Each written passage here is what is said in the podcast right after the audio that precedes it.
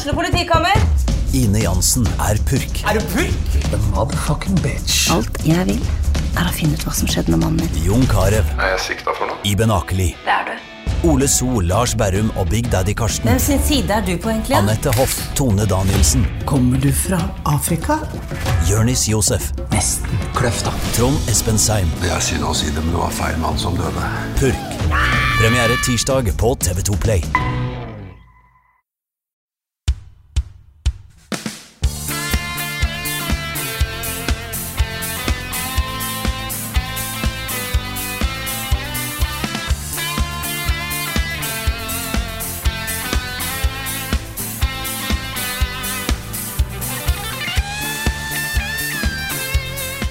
Ønsker velkommen til podkasten, så må jeg nesten eh, ta, beklage litt. Jeg er nødt til å ta og Vi måtte dessverre avslutte eh, matchmakinga i Discord, eh, så det går ikke lenger an å ha eh, flere stykker i Discord, så dette blir da en solopodkast eh, en god stund nå frem til vi har fiksa dette her. Det var rett og slett for mange som ville være med i podkasten samtidig.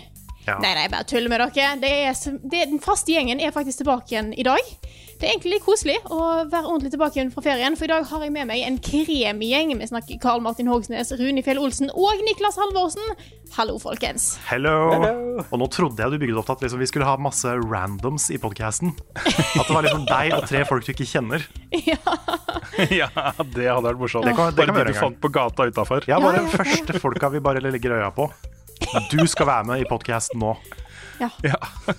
Nei, det var, en litt, eh, det var en liten referanse til det vi skal snakke om i ukens hotteste. Eh, det er nemlig eh, Fall Guys, som hadde en knakende god lansering. Litt for god lansering på tirsdag. Litt Eh, ja, men eh, før vi kaster oss i gang med det, hvordan går det med dere, folkens? Nei, det går bra. Tilbake fra ferie. Det, altså Rune har jo egentlig ferie, så du, du skal jo ikke egentlig være her, men pga. av ting, pga. litt prosjekter og sånn som foregår, så er du her for det. Ja, og um, det er litt av Jeg skal prøve å gjøre litt mindre nummer ut av meg den gangen der. Jeg vet ikke om jeg klarer det, men bare siden jeg er på ferie, liksom. Trekke meg litt tilbake. Men jeg har jo ikke forberedt noen nyheter eller noen sånne ting, liksom. Nei, så, Så- da tar jeg nyheter. Ja, Ja, det, er, Så- det er rart å ta nyheter når du er her. Det blir veldig spennende. Det ja jeg vet det. det åh, da skal jeg komme med masse sånn der konstruktiv kritikk. Ja, sånn der, det er for dårlig nyhet, og det skal ikke være Ja. med. Og ikke formulere det sånn. Nettopp. Nei da, det det går nok bra. Nei, altså, jeg jeg syns det er veldig hyggelig å være med på den podkasten her. Så dette er jo ikke jobb for meg, særlig når jeg slipper å klippe den og um, eh, de tingene, liksom. Så, så er det jo bare kos. Det er det. Det er faktisk, eh, Jeg har sittet og hørt på podcasten nå i sommer. Det var vel en to-tre stykker som ikke jeg var med på. Ja. Og det, det, det er sånn, det er veldig koselig og avslappende å sitte og høre på. Samtidig som det er så mange ganger jeg har lyst til å bare hoppe inn og si noe. Ja. Og det er så uvant å ikke kunne gjøre det. Så når dere prater Ja. om Paper Mario, og der hadde jeg sittet jo 100% av Paper Mario, ikke sant. Det var eh, tortur. Da Men vi, vi, kommer nok, vi kommer nok tilbake til Paper Mario litt seinere i podkasten. Mm. Gjør vi. Men vi har, vi har jo da, som du nevnte, Carl, et par svære prosjekter på gang nå. Og det, er, det ene er eh, et eh, sånn stort, eh, en stor serie vi skal lage. Som vi skal ha opptaksdager allerede da neste uke. Der er det mye sånn manusjobb og forberedelse før vi kommer dit. da så, så den har liksom hengt litt over meg, og jeg er ikke helt ferdig ennå. Så derfor så må jeg liksom tilbake på jobb for å få det helt ferdig, for det må bli bra. da, ikke sant? Vi, kan ikke bare, vi kan ikke bare møte opp på opptak, og så har vi ikke manus og sendeplan og sånn klart. Nei, og så er det litt vanskelig å si at eh, nei, sorry, vi må bare vente tre-fire uker til, og så Det går ikke. Nei. Dette er spikra, liksom. Ja. Så, så det her eh, blir noe av. Mm. Um, vi kommer jo da tilbake til hva det er og sånt. Det, jeg, tror, jeg tror ikke det tar så innmari lang tid før det publiseres. Nei, det er på en måte Det vi kan si, da, for å være litt sånn vage, det er at det er på en måte ikke ha hardbarka gamere som er um, målgruppa for akkurat det prosjektet. Men Nei. likevel da, så føler jeg liksom at jeg gleder meg litt til å lage det. For det er, jeg tror det blir en bra ting. Ja, dette er, dette er basert på egentlig mye sånn spørsmål vi får fra folk. Som eh, ting de, folk lurer på om spill. Mm. Og uh, dette har vi gått og tenkt på i mange år, egentlig. At Ja. denne serien her burde vi bare lage. Det er en, det er en folkeopplysningsserie, Det er det. kan man kanskje kalle det. Ja. Og så har vi også eh, arbeidet vårt med Eldorado e-sport og gamingsenter fortsetter jo. Eh, Og der har jo de, det er litt morsomt det, for de har jo jobba i hele sommer. Hele juli har folk vært der for å gjøre det klart. Og nå er det liksom hakket før innflytningsklart. da. Oh. Teppene er på plass, veggene er på plass, de har malt og overflatebehandla og sånne ting. Ja. Uh, så nå er det liksom Bord og PC-er, sånne ting, er liksom det neste skritt, da. Mm. Uh, og vi var der på onsdag, var det det? ja. Det var uh, i går for oss. Stemmer. Uh, og det, vi ser nå at dette her kommer til å bli fett også. Mm. Det her kommer til å bli så bra. Ja. Så eh, jeg er gira på den der også. Det var veldig kult å være der eh, i går. Fordi forrige gang jeg hadde vært der, så var det jo liksom Du så jo at det var i ferd med å bli noe. Men det var jo også veldig sånn nedstrippa. Det var uh, esker og ruiner overalt. Så det så litt ut som det var uh, holdt på å si et postapokalyptisk senter. Men nå var det sånn smooth og dritfint. Så det blir gøy å se når, eh, når, når stæsjet kommer inn. Ja. Vi har en video ute av dette her nå eh, som podkasten er ute, tror jeg, som vi lagde da på onsdag. Uh, og det som kommer fram av den, er jo at, uh, at Helge, som driver dette her, han er jo nå på jakt etter uh, forskjellige greier som kan skje da på Eldorado. Så det er en invitasjon til alle som gjør noe som er spillrelatert, til å ta kontakt med han for å sjekke mulighetene for å bruke lokalene. da. Det kan være alt fra e-sportlag som vil trene, til turneringer, til LAN-parties, til uh, brettrollespillklubber. Uh, det kan være hva som helst da som er spillrelatert. Um, det er vel Helge at eldoradoesport.no, tror jeg, som er e-postadressen. Bare Det- ta kontakt med han. Tror jeg er riktig. Men det er jo ikke Ja. 100 spikra når det åpner ennå. Men det er, eh, Nei, det er sannsynligvis ikke. ganske Om ikke sånn kjempelenge. Mm. I'm hyped. Same. På ekte, selv om vi får betalt for det også, Karl. Ja, for vi, det må vi jo si at vi har jo et samarbeid med Eldorado. Og det, Ja. det og den andre serien vi lager, er jo mye av grunnen til at økonomien vår har gått litt opp. Så disclaimer, vi, vi jobber sammen med Eldorado.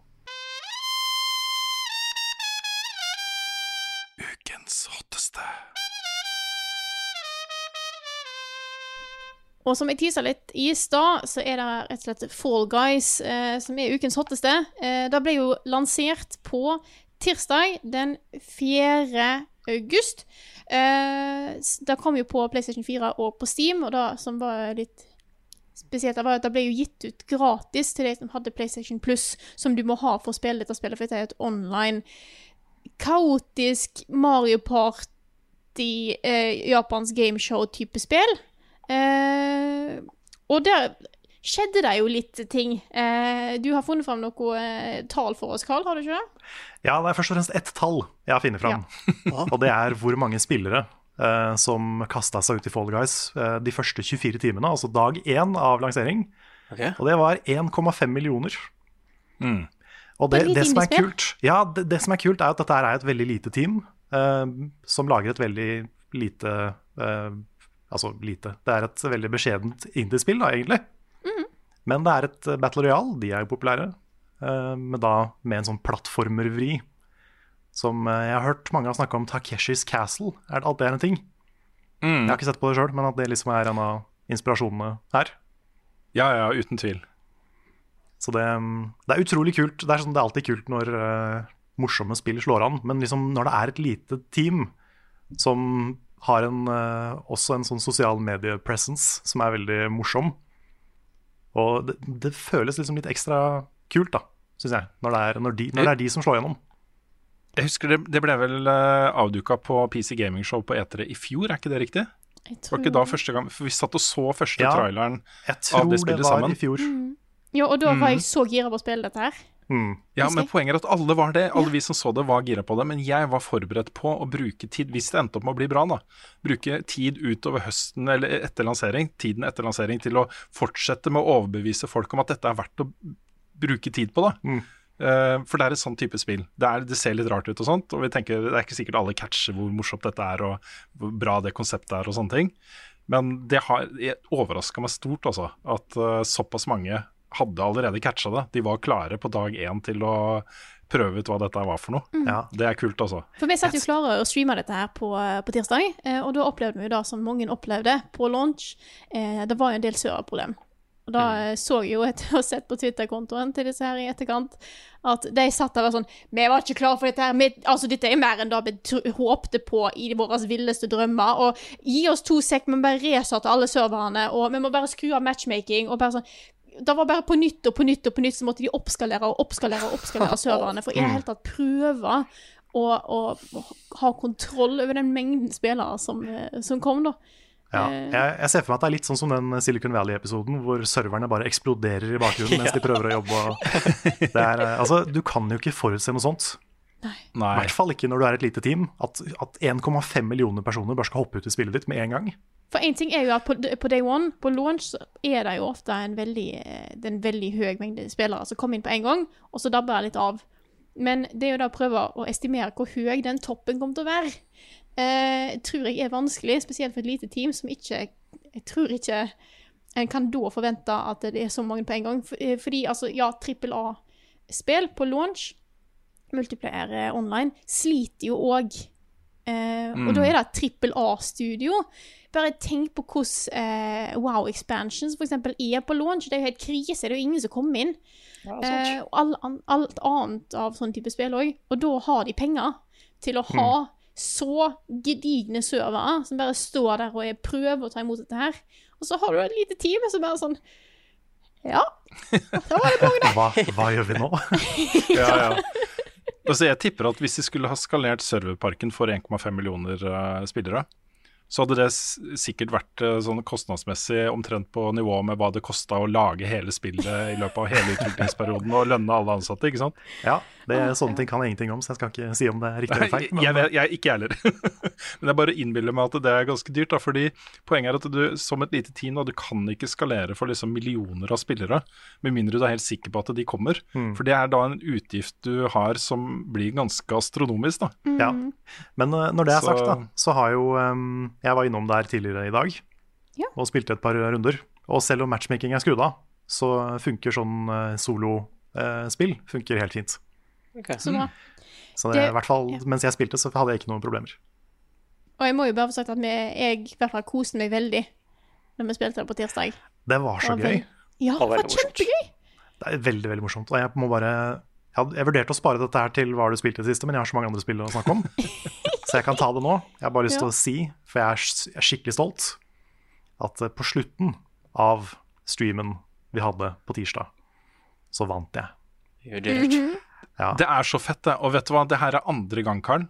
Vi har vært i en situasjon hvor, uh, hvor vi har vært live, og du har gjort den ene tingen som man liksom ikke skulle forvente at uh, var mulig skulle skje live. Ja. Det første gang var jo på Kilden.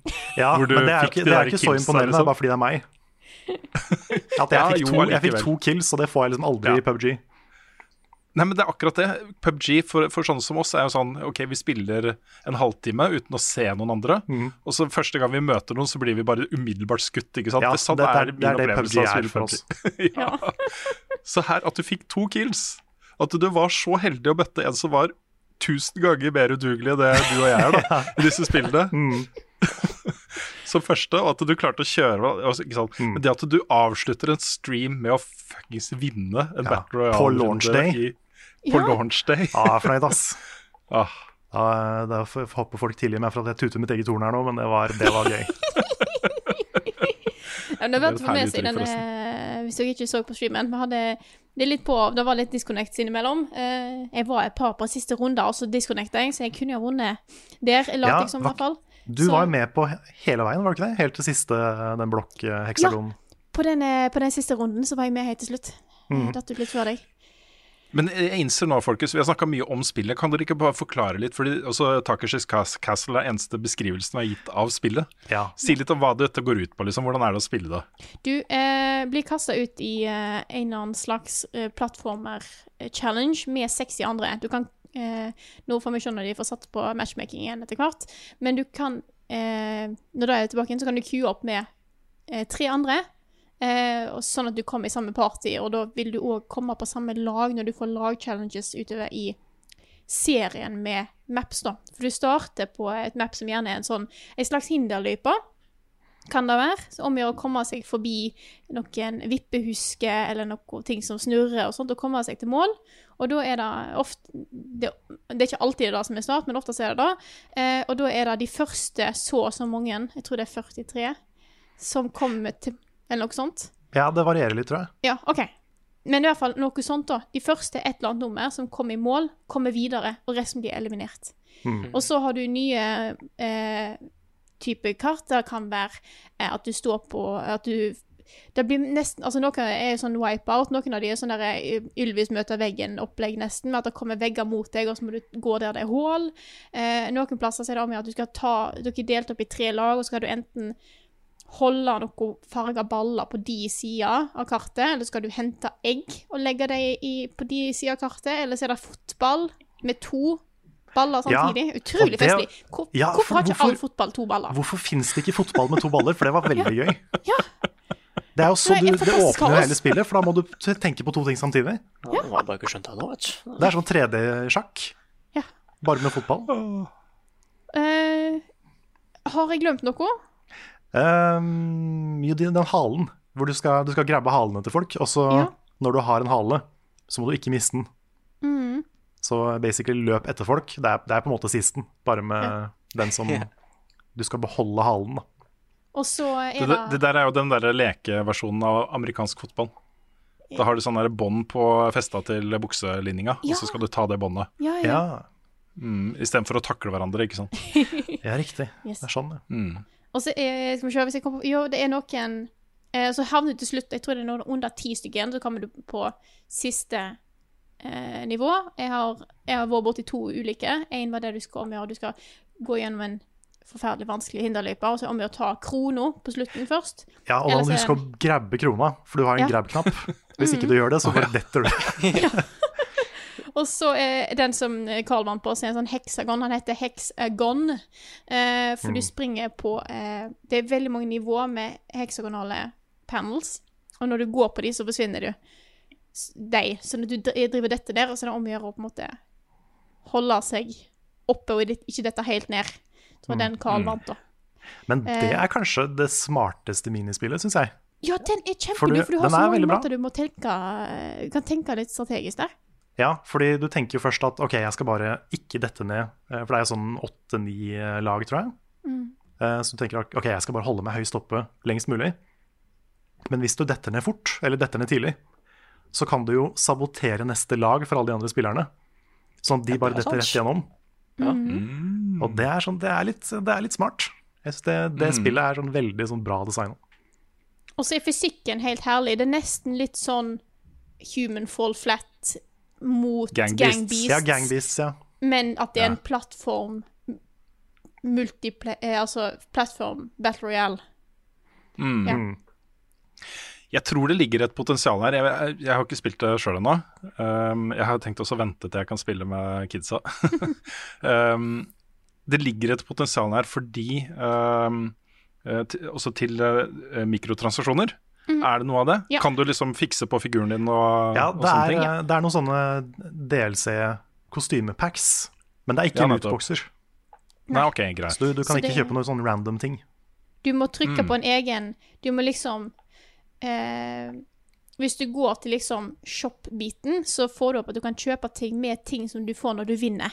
Eh, krone okay. når du får førsteplass, eller noe Jeg tror de kaller det et eller annet fame. kudos. Eller, da er det kudos. Eh, som du får når du har deltatt i liksom spillet. Eh, og jeg tror den kudosen kan du kjøpe, men det står ikke der. Du må liksom trykke på en egen, sånn at du kommer inn i shoppen på noe annet. Så det er ikke liksom in your face veldig. Og det syns jeg var litt Det er, så, det er så kult at Kudos er tilbake som currency. Det var jo currency Project Gotham Racing også. innspillserien. Bilspillserien. Fikk du kudos da når du gjorde fete ting, liksom. nice. Mm. Nei, så det er Kan jeg få nevne, Ja. kan jeg få nevne en ting eh, til der? Som, eh, for du, eh, dere var innom uh, Twitter-feeden til uh, det spillet her. Og jeg bare vil si at Hvis noen går rundt og tenker at kanskje community management hadde vært noe for meg, kanskje jeg skal prøve meg som community manager for et eller annet spill en eller annen gang, liksom. Uh, kanskje det er en karrierevei man har lyst til å forfølge, så bare studer den kontoen, altså. Mm. For den som sitter og har kontroll over den kontoen her, er bare er mester, også en mester i kommunikasjon. Eh, jeg har bare lyst til å lese en av meldingene, fordi en av de tingene er at den sitter der hele tiden ikke sant, og oppdaterer mens de fikser serverne og sånne ting. Sitter jo eh, den personen her og bare poster ting, ikke sant. Mm. Eh, det har han fått mye klage på, da. Tydeligvis han eller hun. Vi var litt usikre på han, hvem det faktisk er som er community manager her. Ja, jeg så Twitter-navnet, men det var ikke Jeg fikk det ikke helt med meg. Ok, Uh, Men etter alle de klagingene over, at, uh, at han er forbi på Twitter, så skriver da uh, han eller hun uh, Some of you think that I should be spending less time tweeting and more time working on the servers or bug, or bug fixing. I'm afraid you vastly overestimate my skills. I'm a community manager. I'm not allowed anywhere near the servers. This is a very good thing, let's be honest. det, er så, det er så godt skrevet, da. Det er en veldig bra respons, fordi det er noe som community manager sikkert får høre mange mange, mange ganger med dagen. Det Ja, er, ja. Hvorfor sitter du ikke og jobber med spillet? Og det er jo ikke dems jobb engang. Det er liksom, noen tror at et spill er én person. Så, så det var en sånn fin, fin presisering. Og så, Ja. Jeg sett de har lagt ut memes, de lagde jo egne memes når de ble verified på Twitter på dag én. Da var de jo i ekstase. Så det var utrolig Ja, ja, ja. Det, det har liksom vært festlig å, å, å se litt på den der Twitter-kontoen og se hva det er som skjer der. Og så ble det jo mm. review-bomba pga. Uh, serverproblemer første dagen. Så de fikk litt negative reviews. Men så kom det da en ny bølge med positive review-bombs etterpå. så det, det, har vært en, vært en spennende ting å følge det der. Ja. Hva har du spilt i det siste? Nå som du, Carl, er tilbake fra ferien, så syns jeg at du skal få lov til å starte. Vi har snakka litt om hva du har spilt i det siste, som er jo en ganske, en ganske lang Ja. Styk, styk, stykke altså, jeg, jeg hadde lyst til å si liksom en lang siste, men altså, siste er jo på en måte en utrolig dårlig ting å si at det er noe langt av. Ja, det siste Yes. er en veldig sånn bred betydning. Ja. I hvert fall for meg akkurat nå, for jeg har ikke vært med på podcasten på lenge. ja, det blir jo da siden sist. Ja, siden I den sist, ikke betydningen. sant. Og det, mm, det har jo blitt litt det jeg hadde planer om, en veldig sånn spilltung sommer. Så jeg kan jo da meddele jeg skal, jeg skal ikke prate veldig mye om hvert spill, for det er ganske mange spill jeg har spilt. Men jeg kan jo begynne med å si at jeg for første gang siden Gameboy Color, tror jeg, har fullført en Pokédex. Oi! Så nå har jeg alle Pokémonene i eh, Pokémon Sword med Isle of Armor DLC. Og det er vel en sånn Er det 600 Pokémon, da, eller noe sånt? Oi, da. Så nå har, jeg, nå har jeg alle de. Og for å få de siste, så måtte jeg bruke den der GTS-systemet som du kan uh, bruke med Pokémon uh, Home og sånn. Og det var det vanskeligste, fordi eh, det fins jo liksom de Pokémonene du mangler, de fins jo der. Du kan søke deg opp til de og finne noen å trade med og sånn. Men de skal jo liksom ha sånn Å ja, du vil ha Psyduck. Da, da trenger jeg bare denne shiny level 100 Mewtwoen som er eksklusiv på kinofilmen fra 90... Altså, Ja. folk er helt Det er det, er det verste jeg har sett av sånne byttegreier. Så det, var, det tok litt tid å finne noen, uh, finne noen OK deals, for å si det på den måten. Men nå har jeg Det er som uh, villager trading i Animal Crossing, altså. Ja, det er, det er litt sånn, se for deg spille Monopol, hvor du skal bytte til deg liksom Parkveien, da. Eller Kirkeveien, i de aller billigste. Ja. Ja, skal jeg bare ha to fulle sett og alle pengene på bordet. Liksom. Det, er det er litt sånn. Ja. Så litt, litt frustrerende å bytte Pokémon med strangers. Mm. Men det er gjort. Nå er jeg klar til eh, DLC nummer to når den, kommer. Jeg har også, eh, og dette, her, dette er kanskje det, det jeg har brukt lengst tid på av pointless ting i spill noen gang. Jeg har avla fram mine egne blå roser i Animal Crossing. Gratulerer. Gratulerer. Det er vanskelig. Ja, det er det. Det, det tok 60 dager. Jeg har fortsatt ikke fått Ja, 24 timer i døgnet, 60 dager, Ja, 24 timer. Nei da, jeg logga, logga på hver dag uh, i 60 dager plan, og vanna blomstene hver dag. Og uh, nå, etter å ha fulgt en, uh, en omfattende guide på YouTube, så har jeg endelig fått blå rose. Åh. Bra jobba. Takk. Jeg har også tatt siste boss i Animal Crossing, Iron, Ironwood Kitchenette. Har du tatt Ironwood Jeg har fått Ironwood Kitchenette, Å, fy fader. så eh, nå, nå er det snart tomt for ting å gjøre. Jeg er så fornøyd. Ja. For et par uker siden så fikk jeg endelig custom shop sign. Oh, nice. For den har jeg altså venta på så lenge. Ja, den er så fin. ja. Den bruker jeg overalt i hele øya mi. Mm. Hvor du kan tegne sånne egne skilt. Men jeg kan gå videre. Jeg har også spilt uh, Bloodstained, Curse of the Moon 2.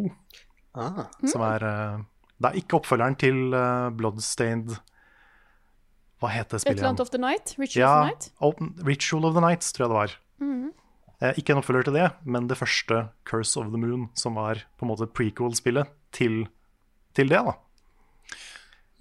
Så det var, det var det de slapp litt sånn som en overraskelse mens folk venta på Stemmer det. Of the Night. Det var et klassisk NES Castlevania-spill. På alle måter, nesten. Og det var veldig bra, da. Og det, jeg hadde egentlig glemt hvor bra det spillet var, fram til jeg begynte å spille Curse of the Moon 2. Og det er også veldig bra. Så eh, det er liksom hvis du, hvis du savner litt sånne klassiske NES-plattform, beat them up-type spill, da. Som gamle Castlevania er. Kanskje feil å kalle det beat them up, men plattform med litt hack and slash. Så er de spillene veldig bra, altså. Jeg vil ikke helt liksom si at de er oppi der med The Messenger og eh, Shovel Knight og sånn, men det er ikke så langt unna, altså. Så eh, jeg har nå runda Curse of the Moon 2 og skjønt at det ikke bare har en New Game Plus, og ikke bare en New Game Plus Plus, men en New Game Plus Plus Plus. Pluss da enda flere New Games, hvis du vil, hvor du får forskjellige characters og forskjellige storyting. Eh, så det er liksom forskjellige episoder da, for hver nye, hvert nye game. Ja, det er kult. Så du, har, du kan spille det ganske mye. Det er de samme levelsa, da. Så du kan, det kan hende du blir litt, litt lei av de, de banene etter hvert. Men de finner liksom nye måter å gjøre det litt, litt fresht på, da. Stilig. Så det er veldig stilig. Eh, jeg har også spilt eh, Breath of the Wild på master mode. Og bare gjenoppdaga hvor eh, mye jeg er glad i det spillet. Det har vært sånn superkoselig, digg eh, sommerspill. Selv om det er brutalt vanskelig på master mode, i hvert fall i starten. Det er liksom den basic fienden du møter hele i starten av spillet, one-shotter deg. Så første du ser, er liksom en game over-screen. Mm, altså, også koselig, da. Ja, men, eh, men det er gøy. Jeg har da, som vi allerede har snakket om, spilt Fall Guys. Og til slutt så har jeg lyst til å snakke om Paper Mario. For vi må snakke litt om Paper Mario. Vi må snakke, fordi Dere snakka jo litt om Paper Mario forrige uke. Mm. Og da hadde jo ikke jeg og Rune kommet veldig langt ut i spillet. Nei. Uh, og vi var jo positive, men vi hadde jo en del ting å ta opp. Eh, og- Positive med forbehold, på en måte. Altså, vi, Ja. ja. Det var ikke hæla i taket. Ja. Så eh, innså jeg fort, og da jeg hadde snakka med deg, Carl For vi må snakke mer om Paper Mario. Vi må det. Ja. For det spillet tar seg opp. Jeg kan begynne. Ja. Det spillet tar seg så opp. Det, jeg likte det i starten. Sånn, eh, du har sånne fem streamers, som det heter. Sånne lange tråder som du skal, du skal nøste opp i. Som, er, eh, som har fanga Peaches Castle av sånne slemme origami-figurer. Og um, den første verden der um, syns jeg var ganske kul. Den andre likte jeg bedre. Den hvor du kommer til en sånn uh, japansk fornøyelsespark som heter Shogun Studios. Som avslutter med en sånn utrolig kul teatersekvens. Um, men etter det igjen, altså verden tre og fire og fem, syns jeg er så bra. Det er så mye bedre enn det som kom før. Det er det, for der er du plutselig, plutselig så har du en historie. Fordi at i de andre så er du bare Du bare er der, og du på en måte er mer en tilskuer til det som skjer. Ja, det er litt, eh, og du er der og hjelper sånn- litt til her og der, men det er, det er ikke en ordentlig historie der, på en måte. Nei, det er litt sånn typisk eh, Paper Mario quirkiness med litt sånn uh, Ja, det er ikke så mye henge fast i, da. Det er mer sånn morsomme scener og jokes og den type ting. Men etter hvert så blir man litt mer sånn der OK, dette er faktisk litt kult og gøy å se hva som skjer og For Verden tatt. 3 er definitivt min favoritt. Ja. Og da plutselig fikk jeg en helt Jeg, fikk, jeg hadde nettopp begynt med den, tror jeg, da vi hadde forrige podkast. Og så kom jeg gjennom den og bare innså bare Å ja, shit. Her er det faktisk kjempemasse som er fantastisk bra laga, og interessant og gøy. Og jeg koste meg altså så mye i verden 3, og jeg brukte altfor lang tid i verden 4 eh, på ting der. Så da, da spillet bare åpner seg. Det gjør det. Ja, fordi Verden 3 er en sånn åpen ørken-greie. Og så kommer Verden 4, som er nesten litt sånn mini-Windwaker. Ja. Og det er, så det er bare så mye i det. Og det jeg liker veldig godt med det, er at jeg var litt redd for at det kanskje skulle være litt sånn lagd i søvne-spill, siden det bare ble annonsert uh, ut av ingenting og skulle plutselig komme. Men det her har vært et overskuddsprosjekt for de, tror jeg. altså. De har så mange sånne morsomme, rare ideer som de bare har proppa inn i det spillet her. Og de, de shaker opp ting, de gjør nye ting hele tida. Mm, Jeg ble ordentlig imponert, altså. Men jeg synes når jeg ser tilbake på det, så tenker jeg jo mer på for Jeg skal jo anmelde dette, så det kommer en anmeldelse av det ganske snart. Uh, men bare sånn for sagt, da. Jeg syns, når jeg ser tilbake på det, at jeg syns verden 1 og 2 er litt De virker litt uinspirert. Ja, den første Men 3, 4 og 5 er dritbra. Mm. Jeg syns eh, to også er bra, men, men den første er litt uh, generisk. Ja, for deler av toen er bra, men det er liksom så mye før Ja.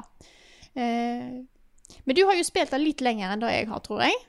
I Ja, jeg eh, endte opp med 100 av det, for jeg skjønte at det var en secret ending. Ah. Er det en secret ending? Det er en secret ending, så den måtte jeg få. Så derfor sendte jeg opp med å spille det litt til. Ja. Um, men det er jo mye, jeg ser at det er mye diskusjon rundt omkring om kampsystemet. Fordi dette er jo um, Det er kanskje, kanskje ikke helt et tradisjonelt JRPG, det er nesten mer et sånn puzzle combat-spill. Men, um, men de vanlige kampene, de kan bli litt generiske etter hvert, syns jeg. Enig. De, de ble jeg litt lei av. Ja. Men bossene, Å, de er så gøy! de er så kule! Åh, Det er noen av kanskje 2020s morsomste, kuleste bossfights i det spillet her. Da spesielt um, Du har jo de The Velementals, som på en måte er sånne bosser som du slåss mot, som er veldig kreative. Men de 3D-objektene, uten å spoile hva de er for noe, uh, de er kule fights. ja. Jeg elska å slåss mot den svære dildoen, eksempel. Den svære Ja, dildoen, ja. Nei, vi skulle ikke spoile det. Vi skulle Nei. ikke spoile det. Det, um, ja, nå ødela du siste boss, Rune. Oh. oh. Jeg syns det er så festlig, for at eh, Things uh, som det har blitt kalt i, i spillet tidligere, uh, kom jo inn under Stickers da, tror jeg. Hvis jeg husker rett.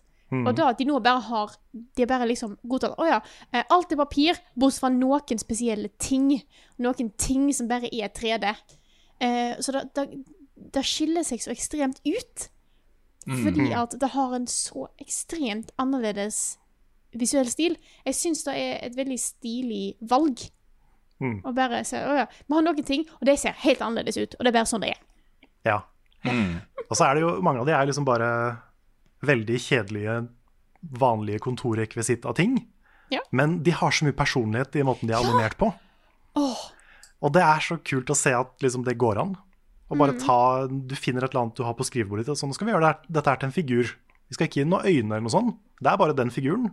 Men den skal begynne å prate, og den skal animere seg. Den skal, den skal ut um, den, den, skal, den skal uttrykke en personlighet, da. Og det får de til med bare animasjon og ehm, tekst, da. Jeg syns det er litt kult. Da tenker jeg på eh, Alice i Eventyrland, eh. Med de koppene og bestikk og sånt som Ja, er personligheter også. mener du Skjønnhet med udre? Nei, jeg mener uh, Alice i Eventyrland. Ja, ok. Hvor uh, uh, Through the Looking Glass hun kommer ned, og så er det Mr. Teacup og Ja, riktig. mm. Nei, det, er, det, det syns jeg er veldig kult. Og musikken er liksom så mye bedre enn man skulle forvente i et sånt spill. Um, Syns du ikke? jeg har et par kommentarer til den. Fordi at musikken i Color Splash syns jeg var helt amazing. Jeg har så mange av de sangene på sp- i spillelista på telefonen min. Og så innså jeg etter hvert, eh, ganske godt ute i spillet her nå, at jeg innså at det er ingenting her som har skreket til meg. Så det er, jeg syns musikken er bra, men det er ikke like catchy som det var i det forrige spillet. Fordi at det var helt unikt. Men jeg digger hvordan musikken er i bosskamper. Mm. Den syns jeg er kul. Ja. ja jeg, er, jeg er mer positiv til musikken. Jeg den eh, Jeg har liksom søkt opp den etterpå og hørt litt på den og, og sånn. Den, mm. noen av, ikke all musikken, men noen av tracksa syns jeg er veldig, veldig bra. Jeg tror det var mer da at det var, det var såpass For jeg er enig i at noen av tracks er veldig fine. Uh, det jeg ble veldig glad i, og det har satt seg på hjernen. Uh, men det var flere av de i Color Splash. Så jeg tror jeg Mm. forventa mer av soundtracket. Ja. For da, da var en såpass viktig del av det spillet for meg. Men det handler jo bare om mine sånn, prioriteringer. Men det er ikke noe jeg Det er ikke noe Jeg syns ikke soundtracket er dårlig. Jeg bare hadde håpet det skulle være like sinnssykt bra som det forrige. Mm. Også, um, Forventninger, vet du. Og sånne ting. Ja, ikke sant. Det er, det er noe med det. Men um, vi kan, kan snart gå videre. Jeg vil bare også gi en shout-out til uh, manuset og humoren i spillet. Fordi det er ikke alt som treffer. Men det får meg faktisk til å le en del, og det er ikke så ofte Mario-spill får meg til å begynne å le, liksom. Men Paper Mario er liksom den, den serien der de kan gjøre sånne ting. Mm. Og jeg er så glad for at de gjør det, og at de bare slår seg litt løs der. Ja. Kan jeg, kan jeg fortelle min favorittvits i, fra spillet? Ja. Ja, det er For den er fra verden 2, uh, hvor da det er et sånt svært teaterstykke. Hvor de um, bryter ut i en musikal, egentlig. Og Birdo dukker opp og blir liksom en sånn love interest for Mario i det teaterstykket. Og det er masse fram og tilbake, og de begynner å kysse og har, tar over hele showet, liksom. Og går av scenen. Og så sier Anna Toad seg etterpå at ja, jøss, hun hadde egentlig bare to replikker, hun. og det, jeg synes det er så Det er så fin sånn liten bare sånn liten sidekommentar som bare Ja, ja. ja. Så da, da lo jeg faktisk litt. Så sitt snitt, vet du. Så Ja, sitt det snitt. altså, tok, tok muligheten til bare nå. Dette er my moment. Ja, ja. oh. Nei, Det er bra, bra spill. vel, ja. Jeg har eh, da, jeg, var, jeg ble litt blown away. Eh, så jeg har eh, Jeg har veldig lyst til å snakke enda mer om det, men jeg har en anmeldelse å gjøre det. Mm. Så, så nå, Den gleder jeg meg til å se. nå sier jeg meg ferdig. Mm. Åh, jeg har lyst til å spille, da. Det er verdt det, altså. Hvis du trenger noe sånn koselig, avslappende, men gøy, Ja. morsomt å spille i sommer, eller nå høst snart, yeah. så um, hvert fall, det får i hvert fall min anbefaling. Nice, nice. Jeg kan bare ta kjapt en ting til før jeg gir ordet videre. Eh, jeg har fått tak i eh, Eller fått, er jo rett sagt. Eh, Horizon Zero Dawn til PC. Eh, og jeg har vært litt eh, Litt problematisk å få starta det. Det har en eh, Det har Når du starter det, så har han en sånn at han skal optimalisere i forhold til hardware og sånne ting. Ikke i forhold til. Det er feil ord. Nå brukte jeg det feil. Vi beklager. Jeg skal optimalisere Jeg noterer, jeg noterer det i eh, boka her, eh, Frida. Ja, det er Eh, skal se. Det er sjelden jeg gjør det, den, så det- jeg- så jeg tar 6. august. Klokken er det så er seriøst. 20 the, the grammar eh, blacklist. Herregud. Han skal optim optimalisere seg eh, ut ifra hva PC og sånt det er. Den tok veldig lang tid, og så tror jeg spillet klarte å krasje, og så måtte en gjøre det på nytt. Eh, og jeg hadde litt problem på starten òg, for noen driver og det greier. Så jeg har ikke fått eh, Jeg har ikke hatt tid til å faktisk spille det. Jeg har brukt så mye tid på å få starta det. Men jeg tror eh, Jeg tror det var tilfeldig. Jeg tror også- Det kan ha vært et eller annet med datamaskinen min òg. Så jeg gleder meg til å få testa det ut. Det kommer jo ut natt til i dag, for dere som hører på podkasten. Nei, Nei? det gjør det ikke. Det står på Steam at det kommer om Nå skal jeg, nå skal jeg sjekke Jeg nøyaktig. Nei, det lanseres på ettermiddagen. Det var, klokka For en, to timer siden så var det 22 timer til, så da er det klokka fire, da, tenker jeg. Okay. Fire eller fem på ettermiddagen Ja, skal det lanseres på så Steam. rett før slash rett etter middag i morgen. Eller da, når, du, når denne episoden her kommer ut, da kan du, Ja, da kan du ja. spille det. Da har jeg sett feil, men det kommer i hvert fall ut fredag. Uh, jeg skal se om jeg får spilt det litt i helga. Kanskje jeg har, kan snakke litt om det uh, neste uke. Jeg har jo fortsatt ikke spilt det, så vi får se. Men nå er det, eh, det blir nok mye fokus på anmeldelsen min eh, i tida som kommer. Men eh, nå, skal, nå jeg har jeg en unnskyldning til å teste det, i hvert fall. Ja. Så det er planen. Yeah.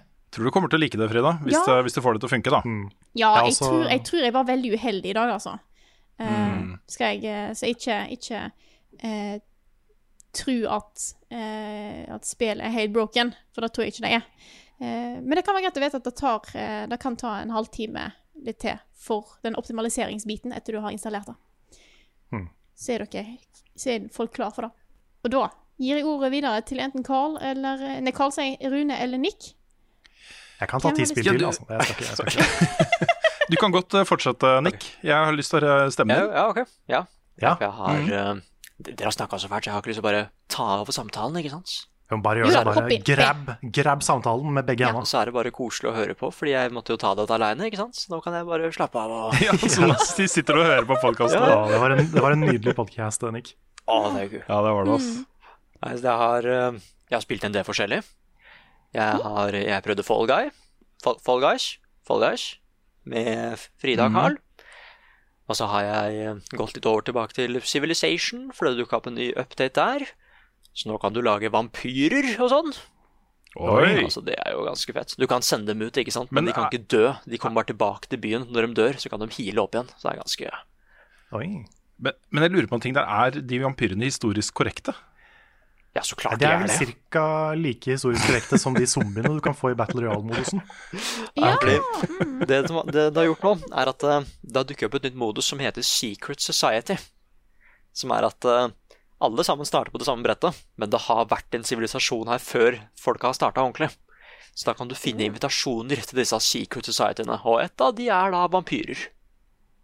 Jeg tror faktisk et av dem er zombier òg, når jeg tenker meg litt om, mens vampyrer har jeg spilt, da. Så har jeg lagd en hær av vampyrer, så det er ganske Fett. Ja, jeg føler det må være vanskelig å skjule at du er en zombie. Nei, det er jo ikke så satt opp mot en vampyr. Ja, men det, Du står og snakker om uh, været eller noe sånt, og så plutselig så begynner du bare å snakke om brains. Wow. nei, men det er Secret Society. De har klart det på en eller annen måte, ikke sant? Ja. Ja. Altså, det var... Hva har du gjort i det siste? Å ja, stemmer det. Mm. ja. I, I feel you. Mood. Universal language. Mhm.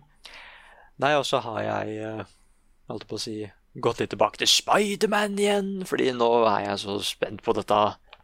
Han der eh, skuespilleren til Miles Morales har begynt å legge ut noen sånne bilder fra behind the scenes.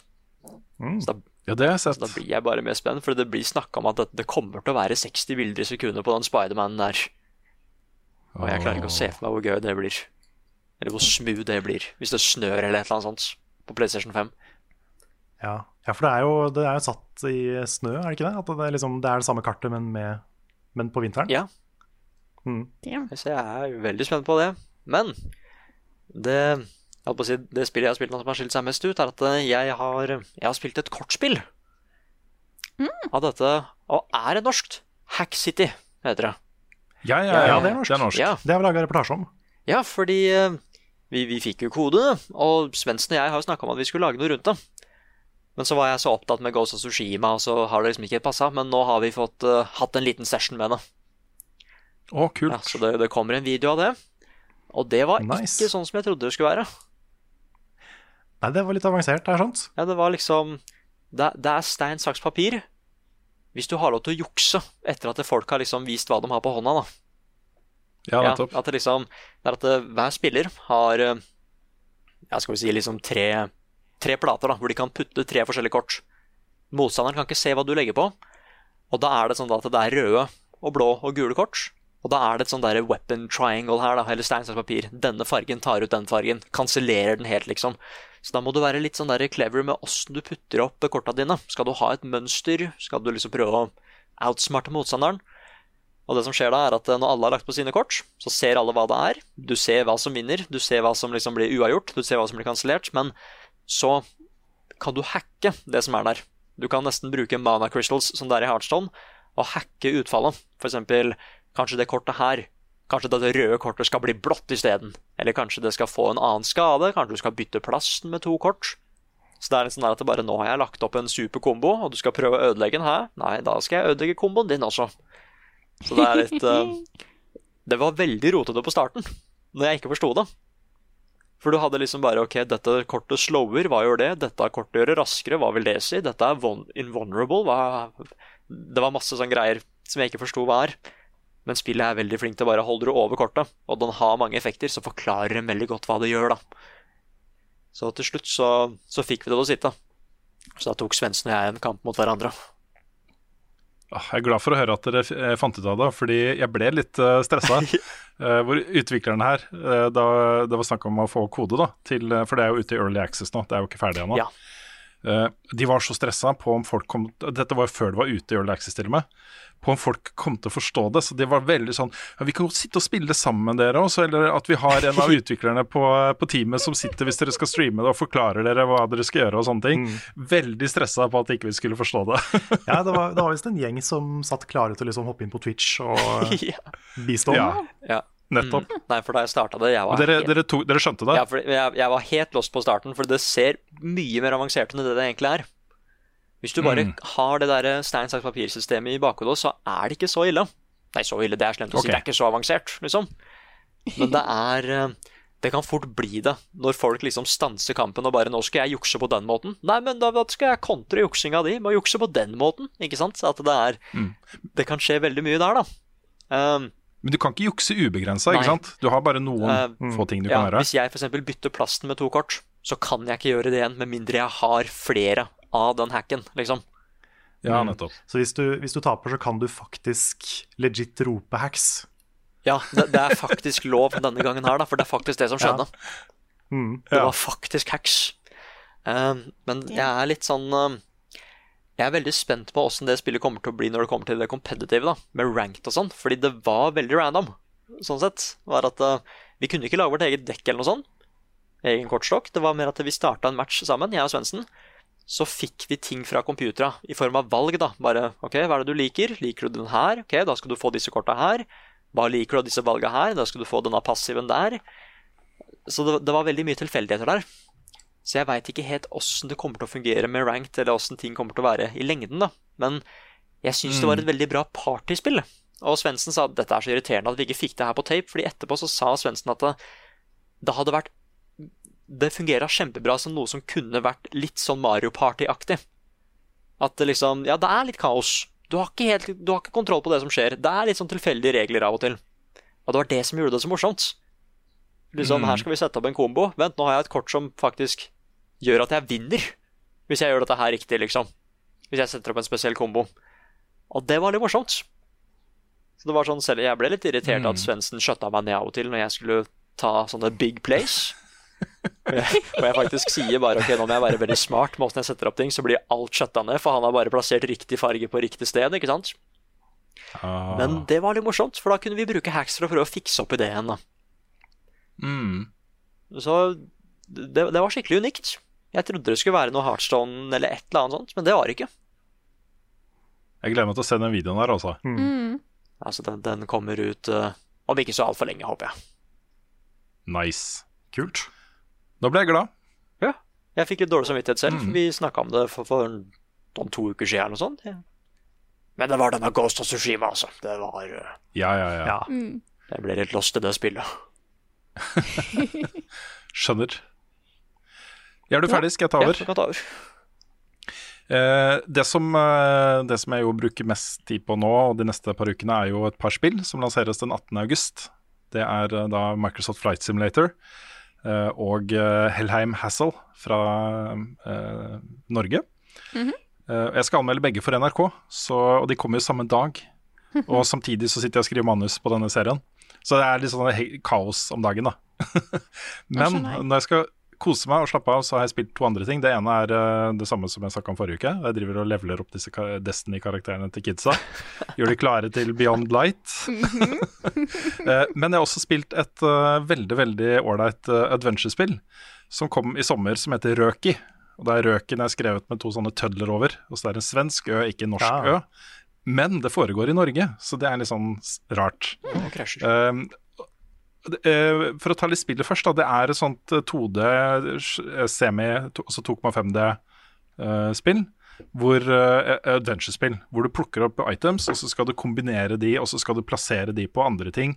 Og så gjør det ting. F.eks. at det er noen eh, ravner på en utedo, og så må du finne noen eh, steiner helt i starten, og så kaste de på de ved å da velge det for inventaret ditt. ikke sant? Og så velger du ravnene, og så kaster du den, eh, og så videre. Men jeg ble litt nysgjerrig på hvor dette kom fra, fordi eh, det er ikke noe sånn vanlig dialog i dette spillet, sånn eh, uttalt dialog, men innimellom så kommer det noen norske ord, da, eh, hvor, eh, hvor eh, eh, hovedpersonen Tove da sier Lars på sånn ordentlig nå, Det her må være en nordmann som sier dette her, for det er Lars, akkurat som jeg sier det nå, Lars. Ikke sant? Og så det, dukker det opp en del andre mamma og pappa og sånne ordentlig norske ord. da. Eh, Men i og med at det er skrevet de der to prikkene over o-en, så er det, tenker de at det skal være svensk. Er det egentlig svensk? Og så, det var masse greier da, så jeg ble nysgjerrig på hvor dette kom fra. Og så det her er en ganske god historie, altså. Fordi via liksom litt research som er gjort på nettet, så har jeg nøsta opp en slags sånn fortelling om hvor dette spillet kommer fra. Uh, og dette er jo da utvikla av et studio i Cambridge i uh, England, som heter Polygon Treehouse. Som er et lite indie-studio grunnlagt av, eh, av eh, to tidligere art directors fra Gorilla. De har jobba med Killzone og litt forskjellige ting. Um, og de, de har jo helt åpenbart liksom hatt en slags sånn romantisering av norsk overtro og natur og tradisjoner og sånne ting. For du har liksom Tomter er jo svenske, da, men det er liksom små nisser, du har troll, du har sånne ting fra norsk overtro. Eh, på rulleteksten da, så står det oppført som språkkonsulenter, tre norske navn, så da begynte jeg liksom down the rabbit hole. Um, eh, Kari Kinn er oppført som språkkonsulent. Hun er postdoktor i lingvistikk ved Universitetet i Bergen. Og har tidligere vært, da, fant jeg ut, i Cambridge. Så de har sikkert bare blitt kjent med henne i Cambridge, ikke sant. Um, eh, språkkonsulent er også Kjetil Nystuen, som er eh, illustratør og designer. Han bor i Italia, men han har da studert og jobbet i Cambridge. ja. eh, også oppført som språkkonsulent, en som heter Randi eh, Vedeld. Og hun tror jeg Jeg er ikke helt sikker på hvem det er, men jeg lurer på om hun er eh, 3D-animatør, jobber her i Oslo. Og så da på stemmeskuespillere. Dette er, da blir det enda morsommere, ikke sant. Fordi Tove, hovedpersonen, er voisa. Eh, eh, det er mye sånn Som så kommer det liksom mamma. Ja. Ja. Pappa. Ikke sant. Det er den, den type ting. Men det er Ingvild Delia. og hun er jo da eh, norsk skues skuespillerinne som bl.a. var en World Hub Scientist i Age of Ultron. Eh, det var hun som motion-cappa som eh, prinsesse Leia i Rogue One. Å, det er hun, ja. ja da, da har jeg hørt om det. Ja, så det er litt fe eh, festlig, da. Um, uh, Henrik, som er da faren til Tove, han er voisa av Kjetil Nystuen, han er illustratøren som også er liksom, uh, konsulent på språk og sånt. Eh, og så eh, er det Lars, broren til Tove, liten gutt, er det, er det ikke voisa nordmann. Det er en som heter Jacob Jones, og det kan du høre, da, for han sier jo ikke Tove, han sier Tuve. Å, nå blir det veldig tydelig. Mm. Ja. Og så, Jeg vil ikke si hvilken rollefigur hun her spiller, uh, for det er, litt, det er litt spoiler, men det er en som heter Ida Skjellbakken. Um, hun er illustratør og forfatter, og da jeg begynte å gjøre research på hvem hun er, da, så starter det litt sånn snilt. Hun er gift da med Kjetil Nystuen, han andre som var involvert her, uh, og bor da sammen med ham i Italia. Uh, hun er en certified livvakt og har jobbet som det. Hun har studert ushideshi karate i Okinawa i Japan.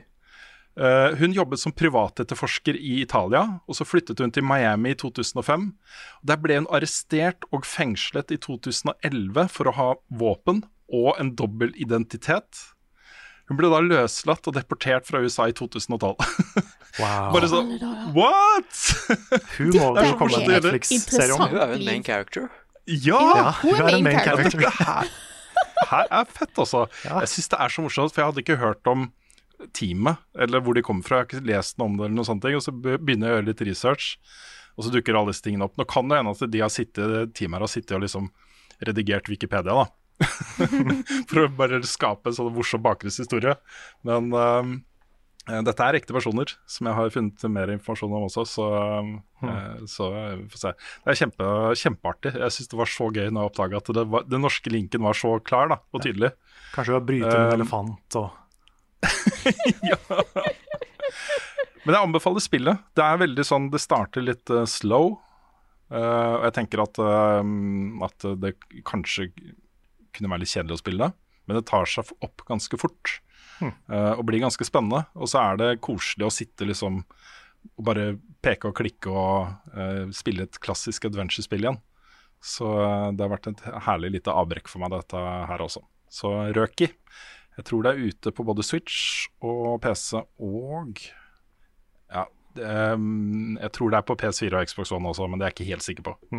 men, eh, men ta altså patch den øen, da. Jeg synes det er litt rart. Det er litt morsomt fordi det er så åpenbart ikke sant, at her har det sittet to briter, eller noen som ikke er norske, da, og bare skapt den versjonen de, de mener er riktig for Norge. Uh, og du kan se det på sånne ting som huset de bor i. Det er jo ikke et norsk hus. Det er ikke et norsk hus, selv om naturen rundt, da, det er jo granskogen og alt dette der, og fjellene og fjorden og alt dette der. Men huset er liksom Vi har ingen sånne hus i Norge, som jeg har sett, i hvert fall. I hvert fall ikke vanlig.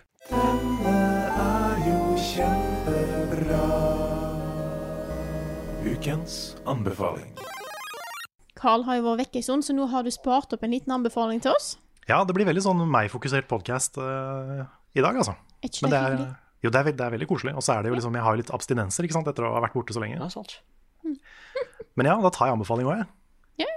Og det er, ikke, det er ikke en sånn kjempe Det er ikke den sterkeste anbefalingen jeg har hatt i, i podkasten, men det er en bra serie.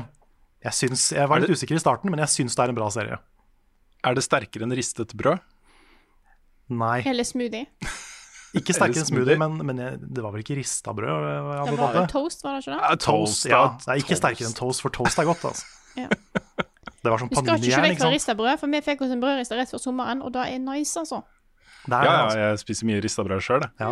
Så noen, noen åpenbare anbefalinger kan også være gode anbefalinger. Ja, Altså. det er OK, OK. ok. Jeg er ikke så snobbete anbefaler. nei da. Men um, Nei, jeg har fått anbefalt den serien her mange ganger. Jeg har bare ikke fått rota meg til å begynne å se på den før i sommer. Og det er, hvis du, hvis du gleder deg til Assassin's Creed Valhalla, så kan du jo se Vikings. Jeg har nå kommet til eh, Jeg har kommet halvveis i sesong fire, som er dobbelt så lang som de andre sesongene. Så de, de, fleste er på ti episoder, mens den her er på 20, tror jeg. Oi. Og eh, det er ganske spennende. Det, jeg har hørt at er, de tar seg noen friheter med historie og sånn, men det, det gjør man jo som regel i sånne serier. Og det er veldig tydelig at ikke alle skuespillerne er norske, men noen er svenske, og noen er Du hører liksom hvem som er skandinaviske, da. Mm. Men um, det er lett å sammenligne serien litt med Game of Thrones, fordi de har liksom litt den samme stilen. Den største forskjellen på de er at Vikings er utrolig sånn fast-paced. Ting skjer utrolig fort. Så det, det kan skje ting i en episode som Game of Thrones hadde brukt en sesong på, på en måte. Og det, det ga meg litt sånn bakoversveis i starten. Jeg følte ikke helt at jeg fikk ordentlig eh, tak på karakterene og motivasjoner og sånn når ting gikk så fort. Så jeg var ikke helt overbevist i starten. Men hver sesong jeg har sett nå, har vært bedre enn den forrige. Så sesong én syns jeg var liksom Den var bra, men det var ikke, det var ikke helt der oppe. Men sesong to var bedre. Sesong tre syns jeg var veldig bra. Og nå er sesong fire kjempespennende. Så um, det har liksom gradvis eh, bygd seg opp og blitt bedre og bedre. Så nå, nå er jeg hooked. Og serien er ferdig nå. Det, sesong seks kom nå i år, tror jeg. Hva er den siste, liksom? Ja. De, de skal ikke lage mer? Nå tror jeg de er ferdig. Ja, kult. Så da går det an å se liksom hele fra start til slutt. da. Mm. Så det er jo i hvert fall, eh, hvis man, hvis man liker litt sånn vikingting og litt sånn norske ting, så det er nok, det er nok noe å sette pris på i Vikings. Altså. Ja, den har stått på lista mi lenge, men da vi møttes på onsdag, så sa du at den var ganske bra. Da sa jeg jeg har ikke tid til ganske bra serier. Nei. De må være helt sjuke. Ja, jeg, jeg, liksom- jeg er litt enig i det òg, men uh, det jeg trengte i sommer, var liksom en serie som var lang, men ikke for lang. Mm. Og som jeg kunne på en måte binge litt. Ja, jeg skjønner. Så det, den var perfekt til det, da. Ja. Kan det komme bare en bitte, bitte liten bonusanbefaling? Ja. Og det er bare fordi jeg ble så happy. Uh, det kom en ny låt fra Goshira denne uka her, som heter Another World. Jeg er så glad i Goshira, og det, den låta er bare helt fantastisk. Jeg har bare hørt den eh, fem-seks ganger nå, så det kan hende at den vokser enda mer. Men jeg digger den. Så det var en sånn gledelig nyhet når Spotify bare forteller meg at det har kommet en ny låt fra en av artistene du hører mye på. Så er det fuckings Goshira. da kaster jeg meg på. Ja. For det er vel ei uke eller to. Eh, så kom eh, et band jeg er veldig veldig glad i, kom ut med et nytt album. Dette, jeg vet ikke hvordan de uttaler bandnavnet, men jeg kaller dem Haken. Haken, et eller annet sånt. Eh, de har et nytt album som heter eh, Virus. Veldig fitting for 2020, må jeg si. Ja. Eh, men, men det var veldig kult. De har en del De har en del kule callbacks til et tidligere album, så det var litt gøy. Da er, det, var ganske, det er ganske hard prog metal, dette her. Eh, ikke like melodiske ting jeg har anbefalt før. Men jeg vet det er noen der ute jeg, jeg vet det er noen av dere som hører på, som er glad i den musikken jeg er glad i. Så jeg vil bare nevne det. Eh, for jeg tror ikke jeg har anbefalt Haken før. Jeg er usikker. Check it out. Lyst til å slenge deg på, eller, Nick? Har du en, du også? Nei, altså, jeg, jeg har jo anbefalt Vinland Saga før, jeg, har det var snakk om vikinger, men det var, Ja, fordi, var vel ikke så kul. Jeg, jeg har tenkt på Vinland Saga. Ah, Ja. ja. Fordi, fordi eh, jeg har sett, noe som jeg har sett Vikings, Ah. kommer jeg sikkert til å ha lyst til å se noe mer lignende etterpå. Aha. Og, og derfor så har Vinland Saga kommet opp på lista. Ja, men da mente jeg ikke det jeg sa. Den- Da bør du se på Vinland Saga, altså. Her kommer nyheter, med Carl! og han har hår. Ja! Det er ikke Rune som har nyhetene i Jeg skal bare lene meg tilbake Ja, du kan og nyte, nyte journalistikk Ikke sant? fra øverste hylle. Fra øverste. Øverste skuff. Mm. Så vi kan jo begynne da, med å snakke om den eh, ikke-kontroversielle nyheten. Spiderman kommer til Avengers-spillet til Square Enix, men bare på PlayStation. Er det fordi Sony har rettighetene til Ja, ja, så- Nei, til filmen. Nei, til filmen, mener jeg. Til filmen, selvfølgelig. Mm. Beklager. Ja, Sony har, eh, de har noe filmrettigheter til Spiderman. Vet ikke hvordan det er med spill, for de, har jo, de lagde jo Spider, eller de har jo eksklusivt Spiderman-spillet. Men jeg vet ikke om det er liksom en avtale, for Spiderman har jo dukka opp i eh, de der Ultimate Alliance og sånn før. Ja, det er en Ja, men jeg husker da de snakka om det skulle Også etter oppkjøpet av eh, Et av disse svære oppkjøpene som Disney hadde, hvor de kjøpte rettigheter sånn bla, bla, bla, så husker jeg at da var det snakk om at det ikke skulle bli noen ny Spiderman-film, fordi sånn og sånn og sånn og sånn. Nå de Men så satt Fox, da- var det ikke det? Ja, jeg husker ikke, det var et eller annet. Men da satt jo da Sony og de seg ned og kom fram til en avtale som gjorde at det kom da en ny Spiderman-film. Og det er fordi eh, Sony har rettighetene til filmene.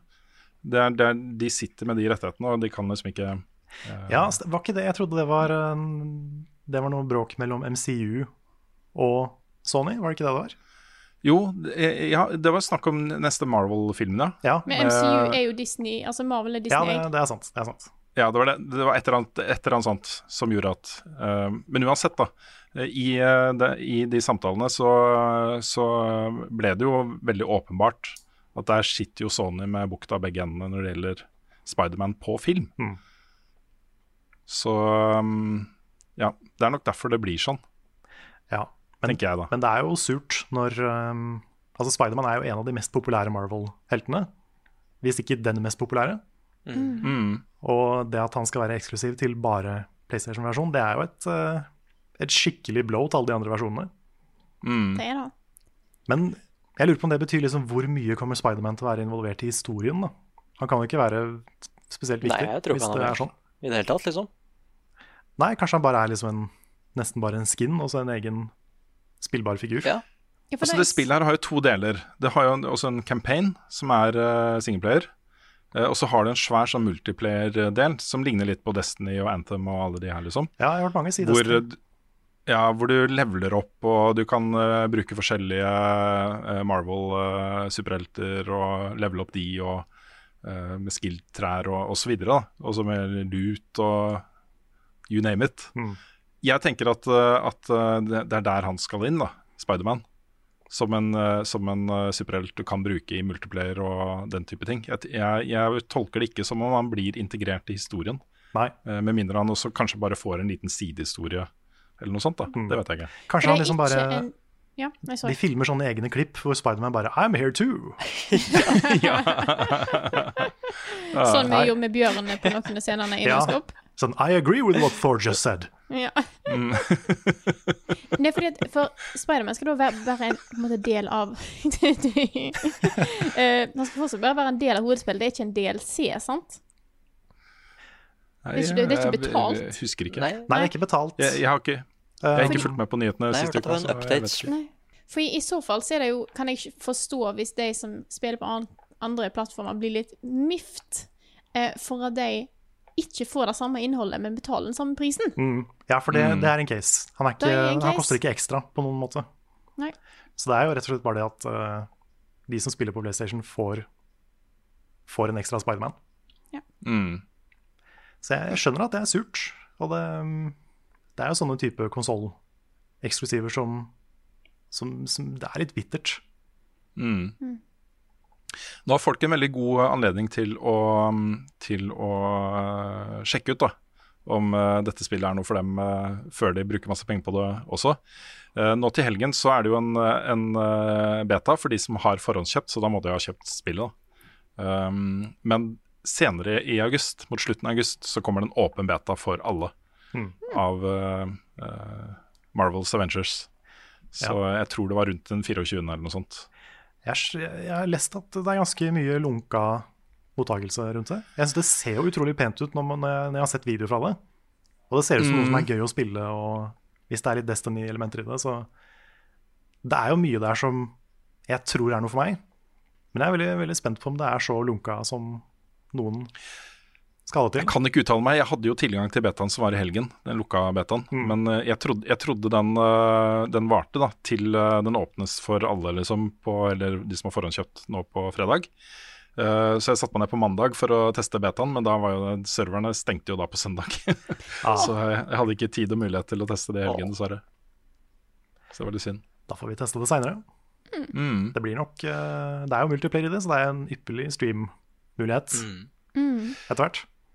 Ja, jeg kan ikke love noe, men jeg har jo anledning til å streame fra betaen som er nå i helgen. Så jeg skal prøve å få til et eller annet. Nice. Mm. Da kan vi gå videre, og dette her eh, tror jeg Rune vet mer om enn meg, så jeg kan jo sette litt over til Rune igjen, men eh, vi må snakke litt om gidder, da. Hvis jeg gidder. Jeg vet ikke, Ja, hvis, jeg hvis, hvis Rune er litt, litt kostbar. Men Activision Blizzard er det jo litt eh, Litt, hva skal man kalle det, litt rumling rundt. Mm. De, uh... Og det var, det var hele setupen, liksom? ja, altså jeg tenkte, fordi jeg hadde tenkt å framstille det som det der med at uh, de, de ansatte får så dårlig betalt, uh, Ja. mens sjefene punger ut med millionlønn og Men det er jo flere aspekter av det her. Ja, dette er primært Blizzard, altså Blizzard-delen av det. Activision Blizzard, Blizzard er jo et konglomerat nå av forskjellige selskaper og alt mulig rart. Mm. Um, men Blizzard er jo eh, powerhouset. De har, eh, de har jo alle disse seriene som de er så eh, kjent og elska for. Det har pågått en stund en misnøye blant de ansatte på betingelsene de har. Og den, har liksom, den misnøyen har vokst og vokst, og dette starta sånn som jeg har forstått det. Og så Alt dette her er jo basert på selvfølgelig Jason Schreier. Som jeg, jeg, han, jeg, han har gått over til Bloomberg nå. Mm. Ja, han, han, oppføre, han har begynt å oppføre seg litt sånn cocky som jeg ikke liker, altså. Det blir sånn bøllete. Litt sånn bøllete. Mm. Jeg, jeg, han, jeg likte han bedre før, men uh, reportinga hans er jo fortsatt uh, Steller, da, så uh, åh, Det her blir sidespor, da. Men han, han, er, han er jo veldig, veldig glad i en serie som heter uh, hva er det den heter igjen? Uh, det er en sånn ro japansk rollespillserie som kom på kickstarter nå. Psykoden. Sånn ja, stemmer. Psykoden. Ja. Og han er veldig sånn personlig glad i den serien. da. Um, og han Altså, er det riktig at han som Bloomberg-journalist publiserer artikler basert på at uh, hans personlige favorittserie er på kickstarter? Er det, er det, er det helt Jeg, Det er jo mange andre spill som er på kickstarter, som han ikke da dekker. Det blir jo eh, kanskje Altså, hvis du trekker noe veldig rar, eh, litt sånn rare linje bort til oss, at vi publiserer våre ting ut fra hva vi har lyst til å ja. Jo da, selvfølgelig. Men, eh, men jeg vurderte mange sånne ting som, som VG-journalist. Som uh, for eksempel da, Uh, det å backe ting på kickstarter. Sånn, ja. Eh, ja. lot jeg være. Det lot jeg være, fordi da kunne jeg ende opp med å gi det ufortjent mye oppmerksomhet bare fordi jeg personlig er interessert i det. Altså, det kunne ha en økonomisk gevinst for de som er på kickstarter. Da. At jeg som VG-journalist går ut og forteller om den kickstarteren. Så jeg var veldig forsiktig med å snakke om kickstarter-kampanjer, og i hvert fall backe og være personlig investert i det. Da. Da har Ja. du helt rett i. Da tenkte jeg Ja. ikke på. det, Ja, det er en veldig lang digresjon. Ja. Ja, jeg, jeg tenkte ikke over det, men eh, jeg, ga jo, jeg dedikerte jo to klassikerinnslag til Snowboard Kids. ja. Og det, det var jo mest pga. mitt forhold til Snowboard Kids. Jo da, men det, det er noe annet igjen. Ja da, du, det, ja. du, du har ikke hjulpet til å få Snowboard Kids finansiert. Nei, og jeg har ikke backa Snowboard og- Kids på Kickstarter. Det har jeg ikke gjort. Nei, det er noe helt annet. Det er to forskjellige diskusjoner. Uansett, da. Jeg tror dette her starta uh, som en sånn intern kampanje hvor de ansatte i Blizzard, på gulvet, da, begynte å sette opp en spreadsheet med uh, navn, stilling, lønn for alle som jobber. Og så man kunne gå inn da selv og legge inn seg selv, eller hvis man fikk vite om, ikke sant, man kunne legge inn da, videre og det ble jo åpenbart ganske fort at lønnsgapet mellom toppene og de på gulvet var absurd. Og så vi snakker absurd, absurd. Og i tillegg så uh, Riot Games ligger jo ikke så langt unna. og et av de selskapene som nå støvsuger Blizzard for eh, de beste folka, og tilbyr de Altså, de går til samme stilling. Bare Det er ikke et steinkast, da. Det er mye større avstander i USA enn man skulle tro, men det er ikke så langt unna.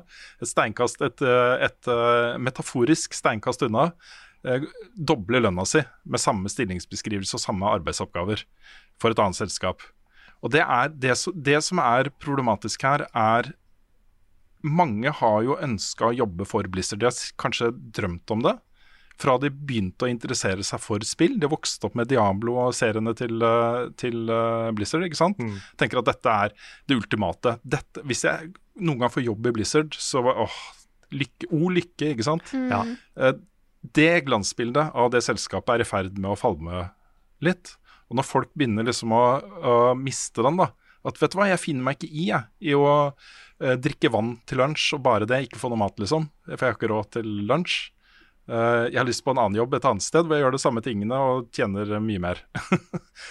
Så da er det. det selskapet i trøbbel, altså. Mm. I skikkelig trøbbel. Og det er eh, eh, Jeg er veldig spent på hvor dette går, for det har jo vært et par andre sånne uh, image-problemer for eh, Blizzard de siste par- par-tre årene. Mm. Og det det er ting som tyder på at det knaker litt i fundamentet til det som før da var et av de mest solide selskapene i verden. Eh, og mest anerkjente og mest respekterte osv. osv. Jeg visste at når det kom ut et nytt Blizzard-spill, så ville det alltid være bra.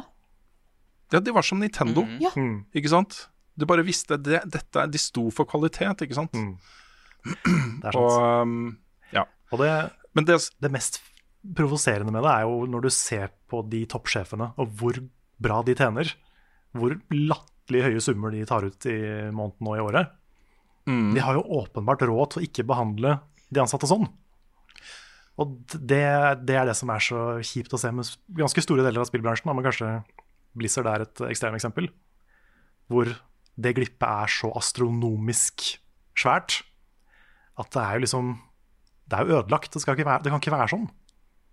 Da er det jo tilbake på, på liksom kapitalismens uh, utgangspunkt, Mm. hvor disse uh, fabrikksjefene tjente tusen ganger, da, mange tusen ganger mer enn de som jobba for en slik og ingenting på gulvet, liksom. Mm. Du blir utnytta for å gjøre toppene øh, rikere. Altså, du, blir utnytta. Ja. Og det er liksom Det er sånn de, de mørkeste, mørke sidene av kapitalismen det er. Ja.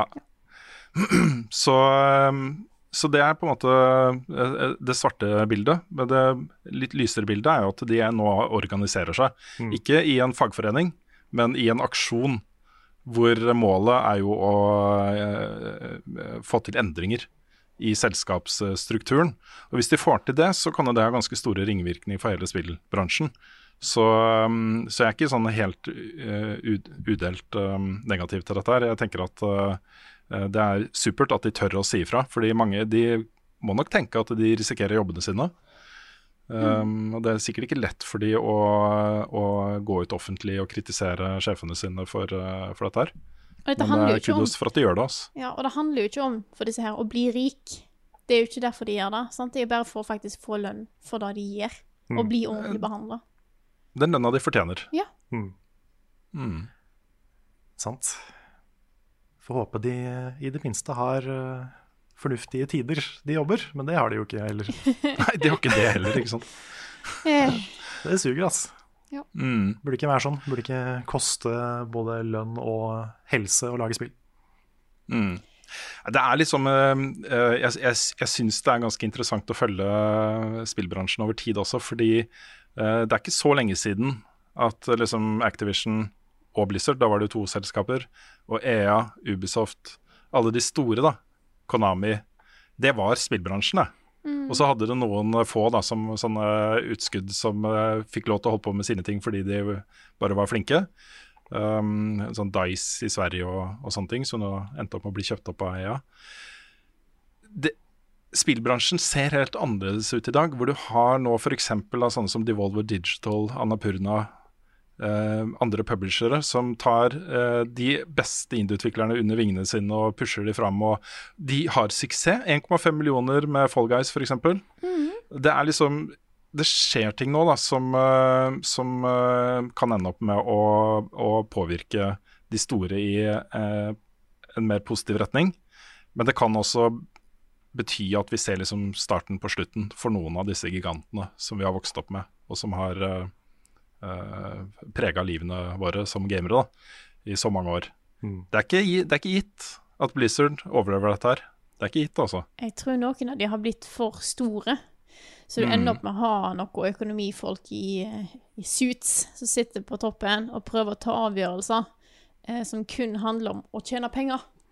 Eh, Jeg tror kanskje eh, at, da, at noen, noen av disse utviklerne har blitt for store for sitt eget beste. Ja, ja det er mye, mye short term-tenking. Ja. At vi skal tjene mest mulig. Vi skal tjene alle pengene nå, Ja. og så får folk bli sinna, og så tenker vi på neste år. All PR er god PR. Ja. Og da, er det jo, da må jeg også legge til at, øh, at øh, gode eksempler, også positive eksempler på megaselskaper som gjør ting riktig, er jo altså, Sett bort fra da, crunch og øh, usunne arbeidstider og, og sånne ting. Mye, mye jobbing for lite penger. Eh, så, både Sony og Microsoft og Nintendo eh, lager jo spill som er, kommer mer fra hjertet da, enn mye av det vi ser fra en del andre svære svære publishere. eh, hvor eh, creative directors og teamene får ganske stor frihet til å lage de spillene de, har, eh, de brenner for å lage. Eh, ikke nødvendigvis basert på eh, fokusgrupper og markedsundersøkelser og profitt og sånne ting. Bare se for eksempel, Det fins jo ikke mikrotransaksjoner i Sonys offisielle egne first party og second party spill. I særlig stor grad, da det fins noe, liksom. Med sånn God of War, ikke noe. Um, Ghost of Tsushima, ingenting. Nei. Last of Us, ikke en dritt. Mm. De, de spillene er jo mer holdt på å si konsollselgere, eh, Mm. sånn funksjonsmessig. Ja. Men det er jo også, eh, når man ser det, det som har kommet ut om Assassin's Creed-serien, hvor mange ganger de har prøvd å ha en eksklusivt kvinnelig hovedperson, men ikke fått lov av ledelsen. Mm. Det er ekkelt å lese om, altså. Det er Jeg så en sak der også. Ja, Mark Laidlaw, som er jo en av de beste manusforfatterne i spill uh, som vi har hatt. Han eh, ble ansatt i Ubisoft for å lage et nytt spillprosjekt. Og så slutta han etter et år, og det ble han nå for, den uka som gikk, tror jeg, kjent hvorfor han slutta. Uh, og det var jo fordi prosjektet hans var et rollespill basert på kong, kong Arthur. Kong Arthur, og uh, lagt til liksom den settingen der, og, og så videre. Det var jo han eh, Serge et eller annet, han en av de der eh, metoo-folka, som eh, sa nei til det. Ja. Mm. Han bare sa nei, svære. dette tror jeg ikke på, så det blir ikke noe av. Tenk å være, jeg bare se for meg hvor frustrerende det må være å bare vite at uansett hvor god idé du har, uansett hvor mye du brenner for noe, så Ja. kan en sur grinebiter i toppen, altså som ikke vet hva som er et bra spill, da, kan bare si nei. Og så knuse alt. alt. Ja. Det er jo sånn det har vært. Jeg håper vi får sett litt endringer. I den beslutningsprosessen som endte opp med at vi da fikk eh, At eh, Cassandra fikk en spillbar bror i Assassin's Creed Odyssey. Det er Bare fordi vi kunne ikke ha et spill med utelukkende en kvinnelig hovedrollefigur. Og ikke Så kom minst- Horizon, ikke sant? Ja. Og ikke minst da Bayek i Assassin's Creed Origins. Ja. Det også var en sånn endring etter hvert. Der, der skulle det være en Mm. kvinnelig hovedperson. Ja. Så det er, Oh, jeg kjenner jeg bare har lyst til å gå og sparke noen i ansiktet. ja. Eh, men eh, jeg skal prøve å Ikke gjør det, Frida. Nei. Nei. Det er kanskje metaforisk kan du sparke noen i ansiktet. Ja. Ja. Jeg håper de føler det nå. Ja. Ja. Men vi kan gå litt, litt videre. Vi har noen kjappe nyhetssaker til. Mm. Eh, og dette er ofte litt sånn I hvert fall de, de fleste av disse her er litt sånn koselige saker. Så nå, nå har vi snakka om de mørke, triste delene av spillbransjen. Vi kan jo også snakke om at Animal Crossing har solgt 22 millioner eksemplarer. Det er helt tullete. Det er ganske crazy, Ja, altså. Det er sjukt. Ja. Det har ikke det vært en så så massiv serie noen gang. Ikke i nærheten engang. Det Nei, er nei, nei. så gøy, fordi at Altså, så mye jeg snakka om det spillet før det kom ut. Eh, fordi at jeg Ja, var da, bare var så det, da var det Frida, liksom. Ja, det var bare Frida. Ja, det var bare meg. Sant? Det var bare meg, og jeg innså hver gang jeg så noe jeg, jeg har ikke vært så gira på et spill på lenge. Og jeg satt bare sånn Jeg er bare så gira på dette spillet. Jeg må bare ha det. Og så kom jeg ut, og så er bare alle er like enige med meg om at dette er en fantastisk koselig serie. Og det er, det er så Til gøy. og med jeg! Ja, sant, Til og med jeg! Åh, det er altså så Jeg bare Jeg koser meg sånn med dette her. Åh, det er hyggelig. Du har fått det som jeg har håpa å få med JRPGs i alle år. Yes! Yes. Jeg har en prediction. Jeg, jeg, jeg mener jo Animal Crossing er Game of the Year så langt. Ja, men jeg også er litt der, altså. I hvert fall min Mm, ikke- personlige ikke- Game of the Year. Ja, det er ikke min personlige, men jeg mener av samme grunn som man kåra liksom Minecraft til Game of the Year det året det kom ut. Mm. Og så hva er, det, hva er det som har hatt størst betydning for spillmediet dette året her? Hva er det som har Man kan se tilbake på 2020 og det drittåret det her har vært, da. Hva er det som har gitt oss mest glede? Hva er det som har gleda mest mennesker? Hva er det som på en måte har vært definisjonen på den virkelighetsflukten spillmediet tilbyr, ikke sant? Det er helt sant. Ja, altså, det har vært store spillutgivelser. The Last of Us 2 er jo stort. Det er jo på en måte, Vi kan ikke si noe annet enn det. Men Animal Crossing har vært så tydelig, så in your face, så overalt og så altoppslukende det Mm. året her. Mm. Og det er jo fortsatt, da. Ja, altså For meg Ja, så har det det spillet vært et plaster på 2020, liksom. Ja, ja, ja. Ja, men det er akkurat det er helt riktig, Karl. Fordi folk logger seg inn hver dag ikke sant? og får en koselig halvtime til en time hvor de pusler med øya si og får den litt penere og kjøper litt ting og holder på med litt ting. Og så er det på en måte tilbake til ja, Noen har brukt mye mer enn en halvtime, en time, da. Og kanskje endelig får han der løken som du har prøvd å få til å flytte ut av øya di i evigheter. Og han plutselig Ja. bare sånn Skal jeg flytte? Ja! Ja, da skal du! Ut! Ja, Ja. gå! Eh, Maybe it's time. Ja. Ja. Ja, nei, men det, det, jeg synes det er hyggelig at liksom av alle spill som kunne eksplodert i år, så er det Animal Crossing. Ja. Mm. Det, er, eh, det er kult. Det er så bra. Og, Ja, det har vært spennende å ah, Det har vært interessant å se hvordan det hadde slått an hvis ikke koronaviruset hadde kommet. ja, jeg er spent på om jeg hadde brukt 60 dager på å få blå rose da. det vet jeg ikke. Og så, eh, enda en nyhet som kan få eh, Frida i godt humør. Pikmin 3 Deluxe kommer på- Switch. Yes. Dette ser jeg som en slags eh, altså For det første så er det en mulighet for Nintendo å få et fantastisk bra spill. Jeg tror fortsatt jeg syns at Pikmin 3 er det beste Pikmin-spillet. Eh, på en konsoll som folk faktisk har. Eh. Eh, For det kom jo til Wii U, eh, og det er, det er et nydelig spill. Det er et utrolig flott sånn puzzle adventure-spill som har noen rare sånn real time strategy-element. Det, det teller jo som en veldig rar RTS, tror jeg. Ja, det er jo teknisk sett en RTS, vel? ja. Um, uh, men jeg tror at dette er en måte liksom, for å få denne serien til Switch, en konsoll mange har, vise at denne serien er stilig, og så kommer Pikmin 4. Jeg har trua. Fortsatt. Da spillet ikke- sa de at var ferdig nesten i 20, 2015 eller et eller annet Ja, sagt, det er helt ridiculous. Shigeru Miyamoto snakka om det. Ja, Han bare casually siden. droppa Ja, for mange år siden bare droppa at Nei, vi jobber med Pikmin 4 og snart ferdig. Så da er, de har sikkert scrappa det og begynt på nytt igjen, vil jeg tippe. Eh, Kanskje. eller et Ja, eller hvis det har begynt på nytt, da. Det vet du ikke. Nei, men det kan være at det var optimalisert for eh, Wii U-gamepaden. Mm. Og så når de gikk over til Switch, så sa de å, ok, vi må endre på ting, og så må de endre på ganske store gameplay-element som gjorde at kanskje ting ikke funker så bra lenger.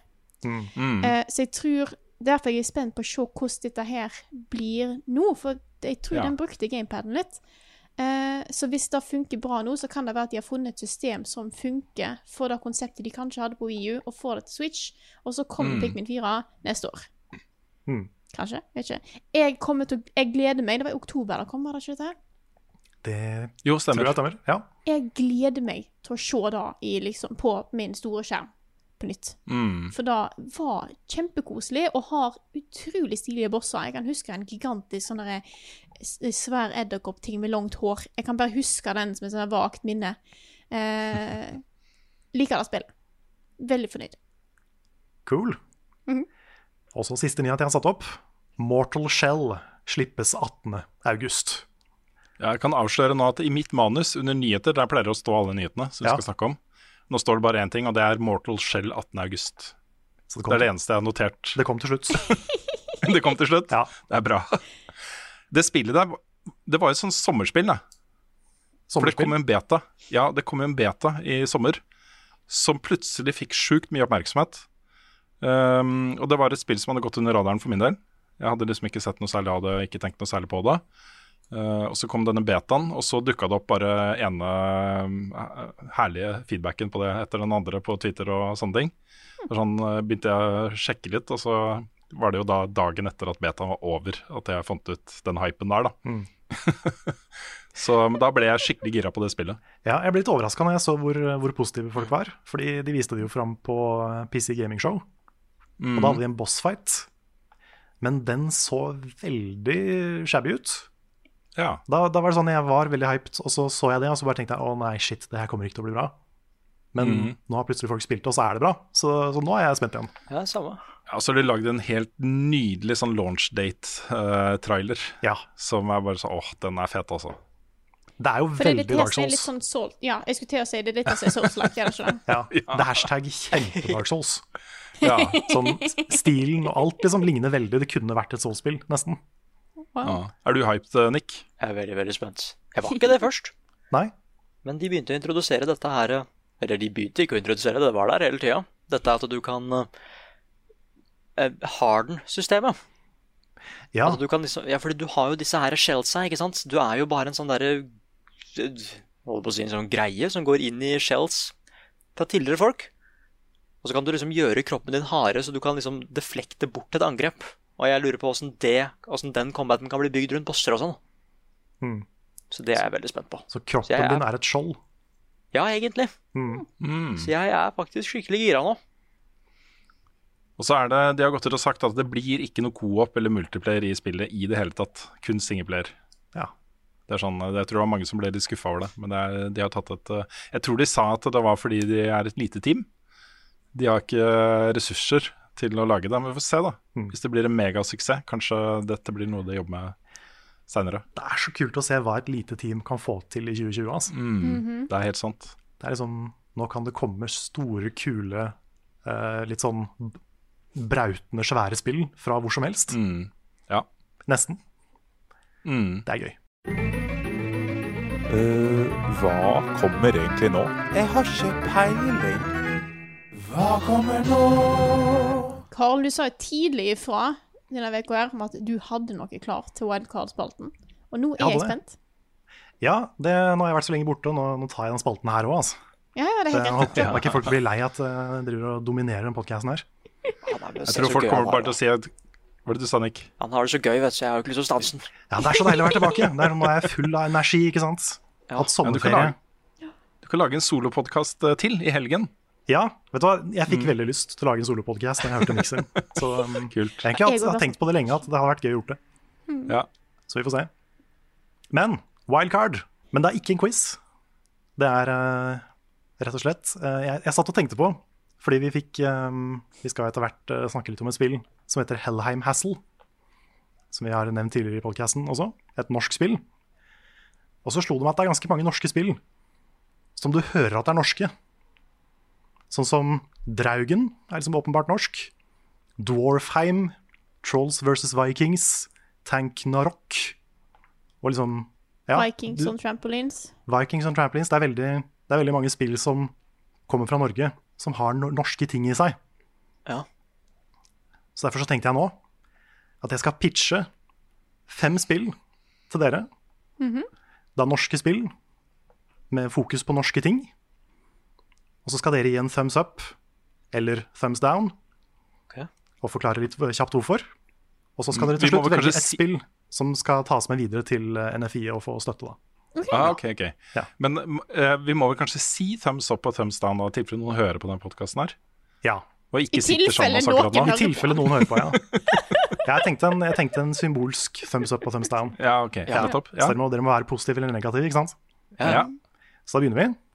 Ok. Og første spill er Bumpen Bunads.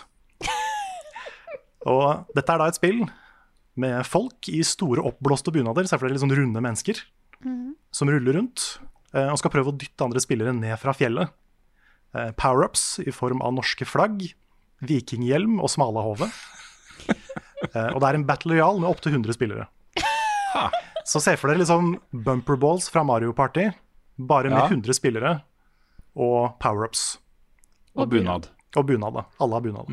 Ok. Ja. Og du kan unnlokke nye bunader fra forskjellige steder fra Norge. Ah. Jeg eh, det, Når det var power-up som smalahove, eh, og at det var eh, en battle royale med 100 personer på et fjell, og ved å slå hverandre ut, da var jeg solgt. Spesielt med flere bunader. Eh, Ja. da, det syns jeg var viktig. Så du er positiv, Frida? Jeg er positiv. Kjempebra. Hva med dere andre? Jeg er også positiv fordi bunad er et internasjonalt ord. Ja. Du kan jo kjøpe bunad i Animal Crossing også. Det er sant. Så, så det norske ordet bunad det er, liksom, det er internasjonalt. På samme måte som uh, smorgasbord og sånne ting. Mm. Um, så ja, thumbs up for meg også. Jeg, hvis jeg hadde vært uh, dommer i Norwegian Game Awards, som jeg har vært før, og dette konseptet her hadde kommet opp med noe spillbart, så hadde jeg likt det. Nice. Nick? Okay. Uh, Nei, fordi at eh, det er jo så klart Det må jo være noe kosmetiske ting her, ikke sant? Det kan jo ikke være ubalansert med disse bunadene. Nei. Eh, Så det er det du spiller for, disse kule bunadene. Mm. Hvilke startsbunader har du? Har du noen bestemte farger eller noe sånt på starten? Jeg tenker alle begynner med den litt sånn klassiske røde.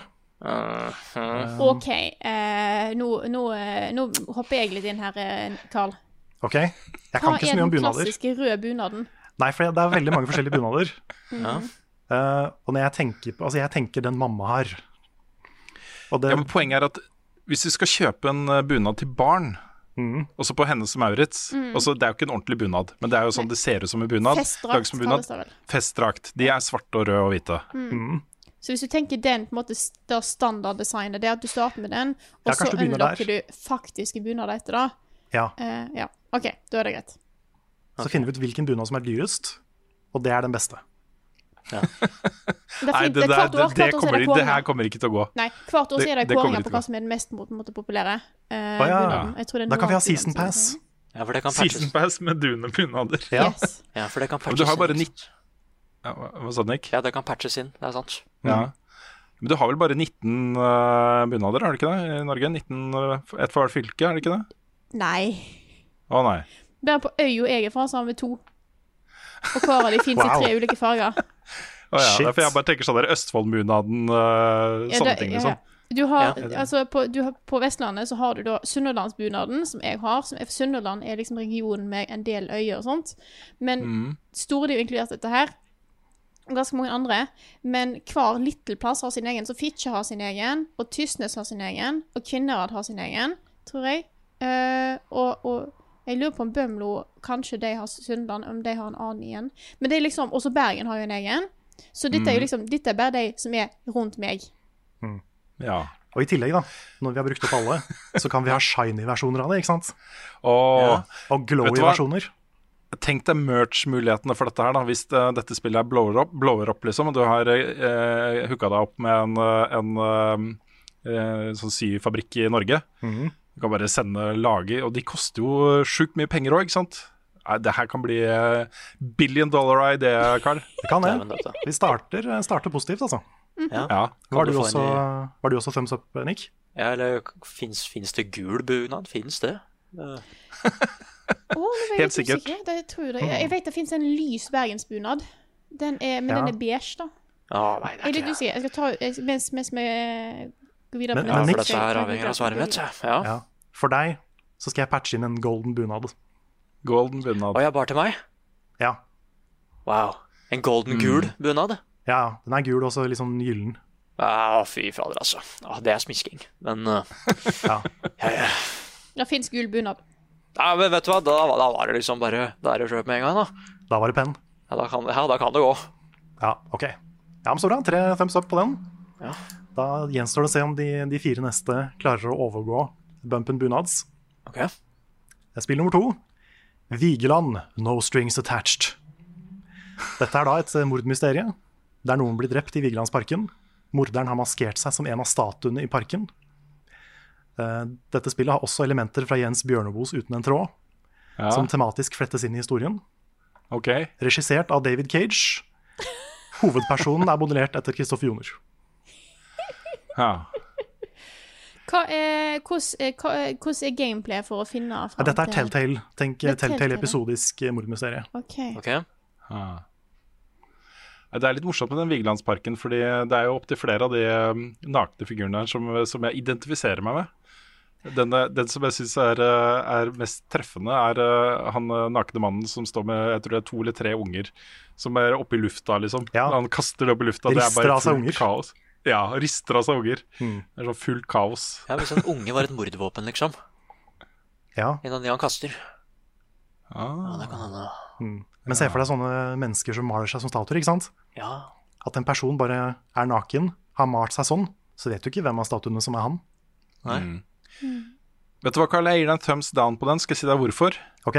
For dette, dette er sånn som jeg trodde alle disse fem ideene skulle være. Sånn, litt sånn eh, morsomme, tøysete, kan aldri bli noe av-type konsepter. Mhm. Bumpen Bunads er et spill som jeg faktisk kunne se et spill, et team, norsk team, faktisk lage Ja. og gi ut. Sånn av type Tanknarok og en del av de andre eksemplene du nevnte. Uh, Vikings on Trampolines osv. Det kunne vært et faktisk eh, Jeg hadde, har ingen problemer med å se for meg det som et faktisk spill. da Dette her er bare Carl som var det morsomt med Det er for så vidt, konsepter. eh, for så vidt et poeng. Jeg gir deg en eh, thumbs down fordi jeg tror at områdene blir litt for ensidige. For jeg tror dette kommer til å kun utføre seg i Vigelandsparken. Ja, den er ikke så stor, altså. Nei. Nei. Og så blir du lei av at du er nødt til å sjekke monolitten sånn tre ganger. På Ja, alle men, tenk, sider. men tenk så ekkelt, ikke sant? Når eh, du sjekker monolitten, og så er den annerledes. Men du klarer ikke helt å sette fingeren på hvor, hvor, hvordan den er annerledes. Okay. Nei, jeg er ikke helt solgt. Nei, ok, ok. Nei, men uh, skal vi se her, hva hvis det Hør her nå, da. Altså, Mm. ideen din er god, men hva hvis vi prøver å forandre på sjangeren litt her? Hva okay. hvis det dukker opp flere statuer i den parken etter hvert som spillet går? Fordi du ikke klarer å stanse morderen? Og morderen er ikke en av Ja, for de er ofrene. Ja, de er ofrene, vet du. Mm, Shit, det er, det er litt eh, utstoppa mennesker. Ja, hadde du liksom Ja. godtatt den Ja, den veien der, da. Den Ja, retningen altså, til spillet. Dette er jo dette er en elevator pitch, ikke sant? så vi må jo videreutvikle det. Ja, ja, ja. Ellers, Så jeg er med med på den. ellers må du da, hvis det dukker opp en ny eh, statue, så er det en mimik, sant? Ja. Mm. Da må vi ha law som tillater mimics. Så det er nye mye muligheter. Det er David Cage. Det kan være liksom De statene som er der, kan få liksom bare en ny person, for det er noen av de som er flere personer enn én. Plutselig så er det liksom en dame som er tett omslynget en av de mennene som står der. Ikke sant? Så sånn, var det fire babyer der, eller var det bare tre? ja Nettopp. Ikke sant? Og vi skal babydrap, vi er der. Det er ikke nødvendigvis det. Nei, Det kan være noe overnaturlig her òg. ok. Kanskje bli er født et nytt thumbs barn. down, altså. Ja, Ja, thumbs down. Okay. Ja, eller jeg, jeg tar thumbs up, da, for den retningen der. Jeg tror det kunne blitt spennende. Ja, da, får vi, da får vi lage det. Vi får videreutvikle det, Nick. Ja, altså, vi er Ja. ganske flinke, vi. Jeg tror vi kan. Ja, vi kan det. Ja. Da går vi videre til spill nummer tre. Det heter The Harry Handlers. Og Det er da et, et tower defense, der hvor du spiller som norske tollkontrollører som må bygge bommer og skannere for å stoppe nordmenn som har handla over kvota si på Nordby. Ok. Og det lanseres også med en egen covid-expansion for de som kjøper det på PlayStation. eh, Med høyere scores, men også høyere penalties eh, for de som slipper gjennom. Eh, Dette er nydelig, Carl. Men det burde hett Harry Shoppers. Nei, men Harry Handlers, ikke sant? fordi det er dobbel betydning. Det, Jo, det handler det her- på norsk, men handlers fordi du skal handle, du skal handle de. Harry Men ordet, uttrykket er eh, rart nok eh, internasjonalt eh, med Harry Shopper. Hva er en Harry Shopper? Ja, det, er bare i Norge, det, det er bare i Norge det er gøy, ikke sant? fordi vi vet hva en harry-handling harryhandling er, liksom. ja, jeg var litt inne på ideen, men jeg syns Harry Handlers har samme Ja, for handlers er noe annet. Det, Ja, det men- betyr faktisk noe annet. Det gjør det, men, men det er jo mer riktig for spillet, ikke sant? På engelsk. Ok, fordi, fordi det er tol- tollvesenet som eh, håndterer uh... Ja, de skal handle det, ikke sant? Ah, ok, så ja, derfor så er det en dobbel, dobbel betydning. Jeg uh, ber om å, at innvendingen min strykes fra protokollen. Det er greit. eh, godtas. Eh, igjen ved akklamasjon. Yes. mhm. Ok, Vi fordi får et styremøte i morgen, og så gjør det offisielt. Mm. Nei, for de kommer jo til å være veldig likt som dette her eh, They Are Billions. Jeg var veldig glad i det spillet der. Kommer det til å Ja, være noen nei, billion Harry Handlers på skjermen Jeg tenker, samtidig. jeg tenker litt mer sånn som eh, Hva heter det spillet? Castle eh, Ikke Castle Crashers, men et eller annet sånt. Ja, kanskje litt Bloons. At det kommer flere og flere biler, da. Ja. Og du må jo stoppe de med forskjellige bommer og, og tollkontrollører og liksom skannere og sånn, for å skanne bagasjen deres. Mhm. Men det kommer jo stadig flere, ikke sant? Det er høytid. Det er kanskje en lørdag. Ekstra mange nordmenn som er på tur. Ja. Og så må du da bygge flere og flere bommer for å kunne liksom håndtere trafik trafikken, da. Ja, Det høres litt hva, ut som uh, det Are Billions, ja. ja, hva skjer med de du stanser? Blir de bare drept og forsvinner, eller drar de tilbake? Har de, er det en gameplay-mekanikk, liksom? At du må også sende dem trygt tilbake igjen? Nei, det, altså, Jeg de tror blir ikke tollvesenet dreper- Nei, de dreper ikke folk. Så de bare forsvinner Men de, liksom? de da, setter dem i karantene, da. Ja. Så du, må, du har sånn egen karantenekvote. Som også må oppgraderes litt, for eh, å få plass til karantene. Ok. Men blir det litt Papers Please inni dette her? Ja, litt Papers. Please. Ja. Litt sånn triste menneskeskjebner og sånt. Ja, jeg tenker det skal være litt mer quirky, da. Ja, ok. Ja. Når det heter Harry Handlers, så kan det ikke være så mørkt og trist. Nei. Mm. Nei, men det, det kan jo være sånne scener hvor uh, du ser liksom eh, eh, personer stå og gråte fordi uh, tollerne har tatt all spriten deres og sånn. Mm. Ja. Ikke sant? Ja. Men da er det litt sånn komisk du... gråting, da. Ja, kanskje litt komisk gråting, ja. Mm. Og folk som blir sinna. Og... Så det blir kanskje litt i stil Sånn tøysete stil til liksom Team Hospital. Ja, Ja. Hmm. litt den, litt den viben. Ja, da, da, for da, da er jeg med. Da er jeg thumbs up. Da, da er jeg thumbs up. Mm. OK. ok. Nick, Bonus, Jeg ser ikke helt, altså. Ja. gjør du ikke det? Nei, liksom. en bonusting med det spillet her, da. Det er liksom når man skal drive PR for det internasjonalt, så må man samtidig forklare hva harryhandling er Mhm. for folk. Og så blir det en sånn der, kommer det sikkert TV-teams fra hele verden til Norge for å dokumentere den galskapen av alle de menneskene som reiser til Sverige for å handle dagligvarer, liksom. Ja. Og sprit. kan, og så kan kan, jeg sitte ikke sant, på en kafé og bli intervjua av utenlandske medier. Ikke sant? The inspiration for this game was actually Ja. ikke sant? Så kan jeg Ja, fortelle ja, ja, ja. Men det interessante er at dette her er jo en Ut fra hva jeg har forstått, så er jo det å handle sprit i hvert fall, er jo en ting i de andre nordiske landene. Eh, Ja, dan, det er dan, helt sant. danskene drar til Tyskland. Og vi drar til Sverige. Sverige drar til Finland, og Finland drar til Estland. ja. Og Estland drar til Russland. Ingen drar til Norge. Nei, ingen drar til Norge. Vi er på toppen. Ok, siste spørsmål, da. Dette er seriøst. Eh, hvor mange timer vil det ta deg å fullføre dette spillet her? Nei, jeg tenker at eh, det kan jo komme forskjellige Det kan, det kan, kan jo være et live service-spill, Ok. i den betydning at du har en campaign i starten. Mhm. Litt sånn som Plants vs. Zombies har en campaign. At du får nye units og nye levels og ehm, gradvis mer pågang. Da. Men ehm, kanskje sånn et halvt år etter release da, så kan det komme en expansion. Fordi nå har den åpna et nytt senter, f.eks. Ja. Så du kan jo For du, du på har jo Du har ikke bare Nordby, du har jo Tøxfors og du har liksom Ja, ikke sant? flere. Plutselig, plutselig så har de der Svinesundbasarene, en sånn der gjenopp, Ah. gjenopp øh, Ja, hva heter det? Ja. mm. Så er det, for, Fønan Agda kan jo komme inn her, og ja, så er Mm. det forskjellige Harry Handler og enemy types, liksom. Ja, du har liksom familier, og så har du sånne liksom svære, skumle dudes. Og så er det Ja. de som faktisk prøver å smugle. Ja! Ja, de som skal, skal starte business. ja med narkotika og, Ja, og sånt. og de må du få mest poeng for, da. Ja, du får mest Ja. poeng, og så får du mest minuspoeng hvis du mister de. Mm, Mm. sant. Nei, Jeg jeg, jeg tenker, jeg tenker øh, den første campaignen Det skal ikke være et dyrt spill. Det skal være råd til å kjøpe det. Og det, skal være, skal være liksom, det kan ikke overstays welcome. Nei, ikke sant. Så fem timer tenker jeg en uh, campaign kan være på. Fem Mm. timer. Skal, Nice. skal vi gi deg sjansen, altså? Ja, vi kan gi deg en thumbs up, da. Ja, trippel thumbs up. Da er vi to ja, stykker som har fått eh, trippel thumbs up. Ja. Neste spill Valhalla. Du spiller som en spansk ung dame i et datingspill der du kan velge mellom en gjeng med kjekke eller pene vikinger. Du kan date flere på en gang. Det er ingen begrensninger på antall eller kjønn. Men mange vil reise vekk i lange perioder, og i noen tilfeller dø i England.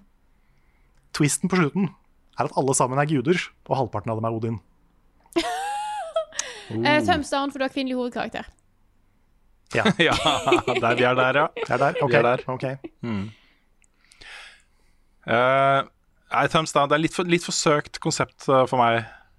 Igjen, det, er litt, det blir litt som Vigelandsparken uh, igjen. Ja, Også, jeg må, måtte ha med datingspill, ikke sant? Et, uh, Ja, Ja, nettopp. ja. Men det som er problemet med vikinger, altså både eh, sånn som vikinger blir framstilt ofte i sånne ting, da, er at vikinger er veldig tøffe, sant? Både eh, menn og damer.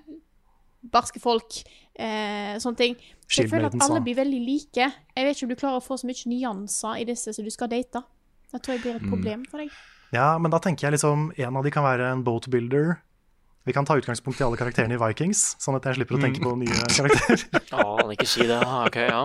ja, nei da. Men vi, vi kan liksom, det fins jo en, eh, et hav av personligheter. ikke sant? Kanskje en av de er vikingkonge. Kanskje en av de er sånn rik uh, kid av en, uh, en jarl. Vet du hva, kan jeg, nå, eh, jeg, jeg lanserer et eh, konkurrerende prosjekt, og så prøver jeg å komme før deg til NFI med Er det lov? det prosjektet. Ok? Get Grüner Lucky. Det er samme konseptet, da. Du skal date forskjellige mennesketyper du finner på Grünerløkka. Er i nåtid, ja. i nåtid. Ja. Du har liksom hipsterne, og så har du kunstnerne, og så har du liksom studentene og Ja, Vi får se da om NFI er mer villig til å gi penger til eh, et moderne norsk spill, eller et historisk norsk spill. Ja. Ok, men eh, thumbs down fra alle, eller? Ja, fra meg i hvert fall. Ja, jeg, kanskje hmm, Jeg tror du kanskje hadde klart å lage dette på egen hånd. Kanskje Ja. Ja.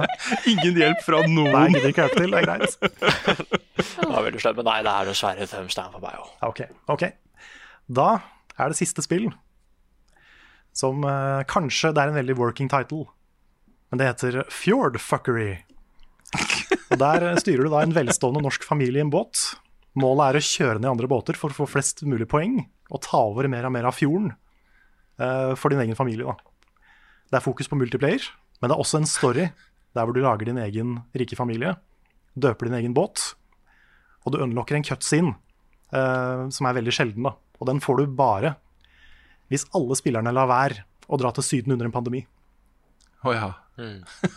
Hvordan tror du at folk bor på Vestlandet, Carl?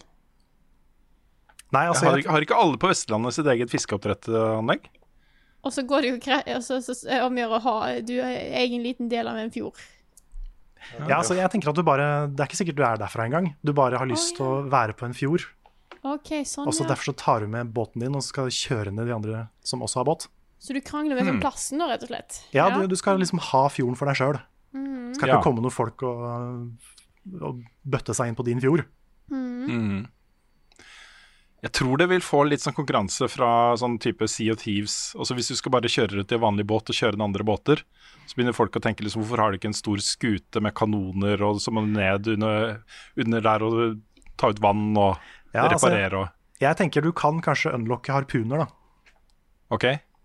Men, eh, men først og fremst er det et krasj inn i andre spill. Litt sånn, Krasj inn i eh, andre spill. Ja, litt sånn som det der uh, Demolition-spillet. Mm. Ja. Jeg, så er det ikke helt for meg, Carl. De gjør ikke det? Nei, jeg gjør ikke det, altså. Nei. Jeg liker, jeg liker uh, uh, at du bruker fjord, fordi det er sånn derre Det skaper assosiasjoner internasjonalt også. Mm. Folk er veldig glad i fjordene våre. Nettopp. Det har vært litt målet med alle de spillene her. At det skal være noe Mm. Ja. norsk i tittelen. Og norsk uh, skal ta utgangspunkt ja. i noe. jeg, tror- jeg tror ikke dette er nødvendigvis den beste måten å få fram de norske fjordene på. Nei. Ikke hvis det er skikkelig bra grafikk engang. Jeg lurer på om Draugen allerede har gjort jobben godt nok. Ja, kanskje. Kanskje. Ja. OK. Da, Thumbs down. Sant. Ja, det lukter litt thumbs down for alle her. Jeg, jeg må kanskje Jeg må nesten gjøre det, altså. Ja. Mm. OK, men da har vi to spill som har gått videre, som har fått thumbs up. Mhm. Det er Bumpen Bunads og Harry Handlers. Mm. Så hvilket spill av de to skal vi ta med til NFI? Kan, jeg, kan jeg forbinde? Ja, Ja, fordi ehm, jeg- tror Bumping Bunads er det spillet som eh, det ville vært lettest å, å få til å bli morsomt. Mm. Men jeg tror eh, Harry Handlers har størst potensial til å bli en sånn her kult hit. Fordi den, eh, den handler om et fenomen som er ekte, og som man kan liksom gjøre ting ut av. Som ikke bare handler om spillet, men det, er, det, det sier noe om norsk eh, Det norske, liksom. Dette er på en måte en del av det vi er. Eh, som, er som jeg syns er litt interessant, da. Sånn eh, sosiologisk. Så eh, jeg, jeg ser for meg at det kunne blitt en sånn ting som Polygon og sånn skriver om, da. Litt sånn eh, Behandler det som noe litt sånn kult og hipt. Ser Så for jeg, meg jeg stemmer på den. Mm, og jeg ser for meg at hvordan eh, Når jeg tenker meg litt med Bumpin bunad, så ble jeg veldig solgt på det konseptet med at du kunne samle bunader. Men jeg tror veldig mange vil bare spille fram til de har kanskje sin egen bunad, og så kanskje gir de seg etter det. Ja, Eh. men det er da vi må introdusere shiny-bunader og glowing-bunader. Mm. Men da er jeg mer eh, For da blir det mer at du Da blir det en sånn grinding-ting. Da er jeg kanskje mer på, på uh, eh, Harry Handlers, ja. Jeg må ikke glemme uh, bumpe-konseptet, da. For det er, det er jo et veldig morsomt minispill. Ja, ja. Det er, Ja. det er ikke sikkert det hadde liksom holdt seg utover et helt svært spill, da. Men hvis da- du hadde liksom introdusert levels og forskjellige nivåer og, og kanskje noen eh, power-ups og eh, Ja. noen feller du kan legge ut og Ikke sant? Fordi, ting, liksom. fordi Fall Guys har 1,5 millioner spillere. Det har det. Ja. det, har det. Jeg, Så, tror, eh, jeg tror her i Henders har potensial til å holde seg lenger. At det er et spill folk går mer tilbake igjen til. Mm. Mm. Ja, Nick. Jeg syns bunad var best. OK. Så har vi to på uh, Harry Handlers og én på bunad. Ja, Egentlig så syns jeg den Frognerparken var best, men åh, ja ja, vi får, vi får ta Vi, vi, lager, vi lager Frognerparken på sida, Nick. Ja, ok, greit. ass. Ja. Ja. Sideprosjekt. ja. Ja, da, da ser det ut som det blir uh, Harry Handlers vi tar med til NFI, altså. Mm. Release date eh, Q4 2021. Ja. Det, og hvis det er noen norske spillutviklere som hører på, disse ideene er gratis. Ja. Så vær så god. Kan jo, kan jo gi noen prosent av eh, eventuelt overskudd. Ja, hvis dere har lyst til å gi meg litt penger, så skal dere få lov til det. altså. Allerede godkjent av en level up-komité. Hvem skal anmelde spillet? Jeg. Hva er hennes best, hvor var fredag sist? Har Carl egentlig sopp? Ukens spørsmål. Og vi sparker løs med et spørsmål fra Eivind Gjertsen. Han skriver I år var et spesielt år i forhold til E3 og konferanser ble erstatta med diverse expos. Var det bare jeg som ikke klarte å bli like hypa i år? The Craig er den store snakkisen fra Xbox sin store premieredag, hvor, det eh, hvor Eh, hvor ble det av de nye spillene som virkelig kaprer all oppmerksomhet, sånn som Ord i jord eller Zelda Breath of the Wild eller Red Dead Redemption? Jeg sitter igjen med et ut inntrykk av at original originalitet er tatt litt til side til fordel for å sikre litt forutsigbare titler. Er det bare meg? Det har jo vært et litt spesielt år uten, uten et ordentlig etere. Det har jo det. Mm. Og det er litt rart, fordi etere betyr jo liksom at da får du tre dager tettpakka med announcements og sånt. Uh, og selv om kanskje uh, bredden ikke er liksom tettpakka med masse fett, så er det alltid nok kult da, fra de forskjellige konferansene til at det samla sett at det blir ganske mye hype rundt det. Uh, og det tror jeg er den store forskjellen. Når du sprer det utover på den måten der, og du sitter liksom hjemme hos deg selv um, på den måten folk har gjort, så vanskelig å lage like mye hype, altså. Fordi ikke, sant, når en pressekonferanse er over på etere, så begynner du å glede deg til neste, som kanskje er om en time, liksom. Så kommer den til da klokka tre på natta, ikke sant. Og så er Ja. Og så er det eh, du, får, eh, du får veldig mange titler etter hverandre, og så er det noen av de som er veldig kule. Og da sitter du der med alle høydepunktene veldig fresh i minnet. Eh, Mm. Vi har jo hatt en del store ting som ble vist i år. Eh, da Tony Hawk spiller. Demon's For Remasters. Mm. Mm. Da er jo kjempestort sånn sett. Eh, og det var jo mye Horizon kult. 2. Ja, så det var mye 2. kult som kom på eh, Sony sin. Fable. Eh, og, men det, det er mer spredd ut, så du har litt vanskeligere for å huske alle de store titlene som kom ut, tenker jeg òg. Ja, du får ikke den samme hype-følelsen.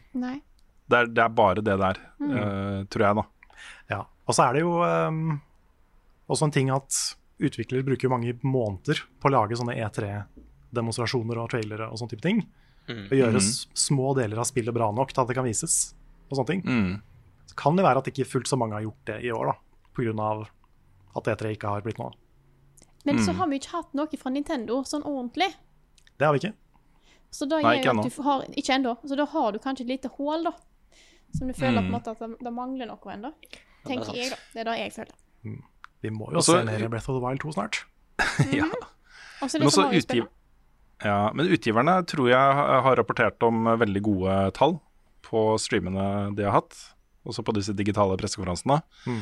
Jeg tror nok at, uh, at uh, det kan bety da slutten på etere. Hvis ikke de også sitter og kjenner på sånn følelse av at vet du, det her skapte jo ikke nok hype. Vi må ha et ordentlig show, liksom. Jeg, jeg vet ikke, jeg, også.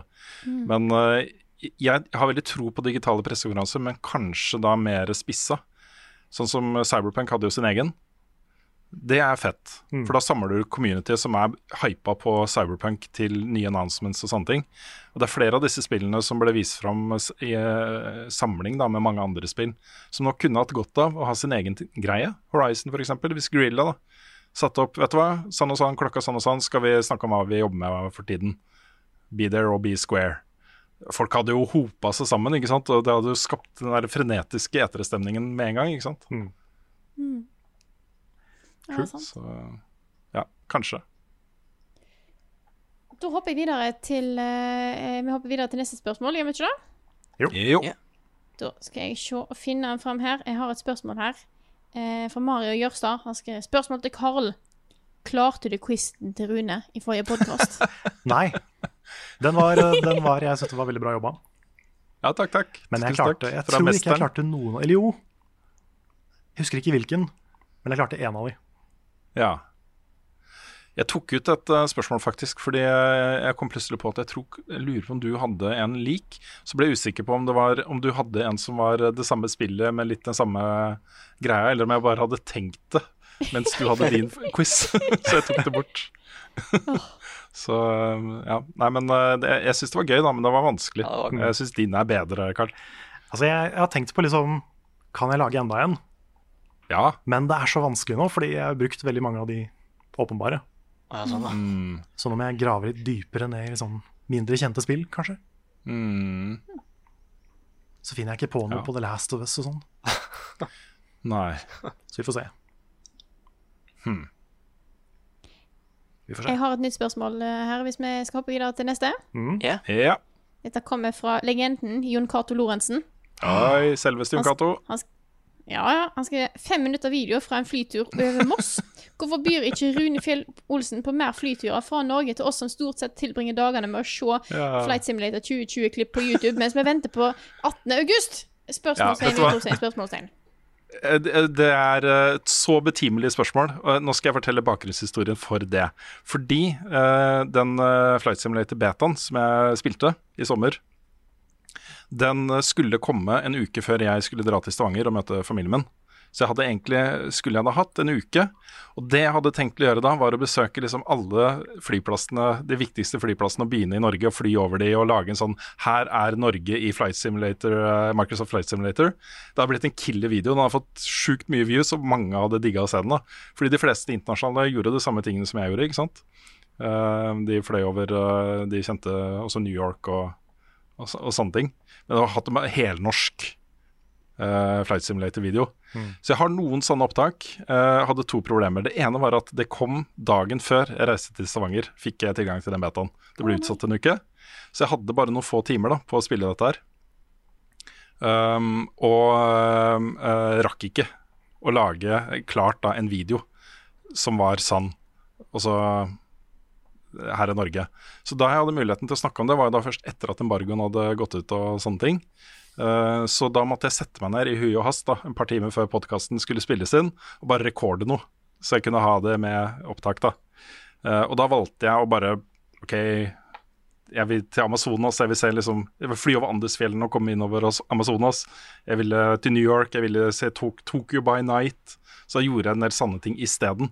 Fordi en sånn her, er Norge i Microsoft Flight Simulator-video, den hadde krevd litt mer arbeid av meg. Da måtte jeg liksom ha gjort litt research og funnet ruter, og hva er det som er pene steder å fly, og uh, hvordan ser jeg best Lofoten. For eksempel, da jeg spurte deg, Frida, mm. uh, uh, hvilken, hva flyplassen het på Stord.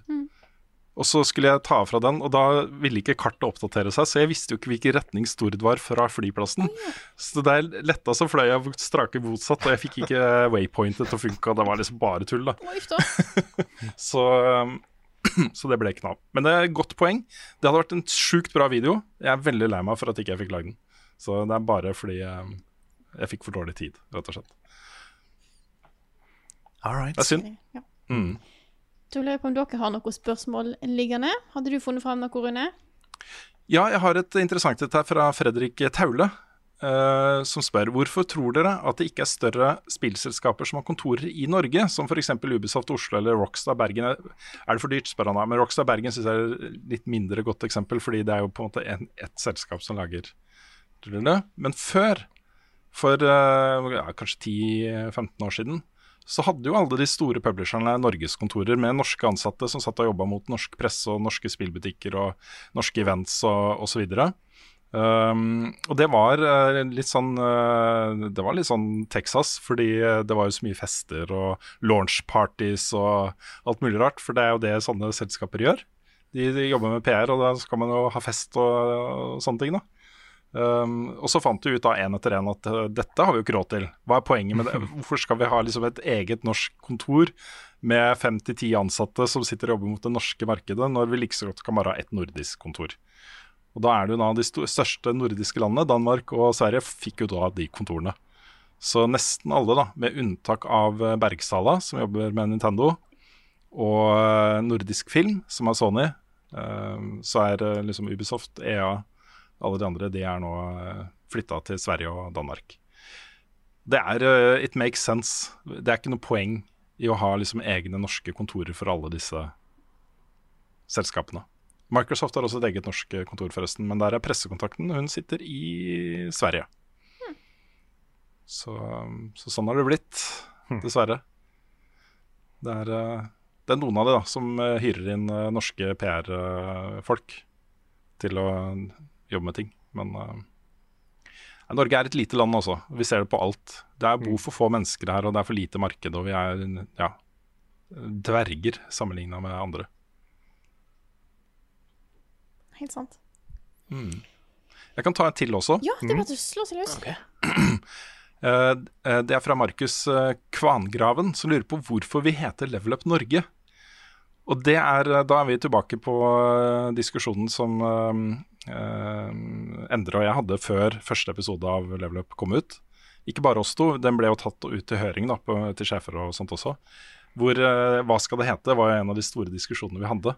Det var masse, eh, masse navn som var på blokka, inkludert Spillrevyen, som er podkasten til Jon Cato og Lars Rikard, um, som jeg syns var et bra navn.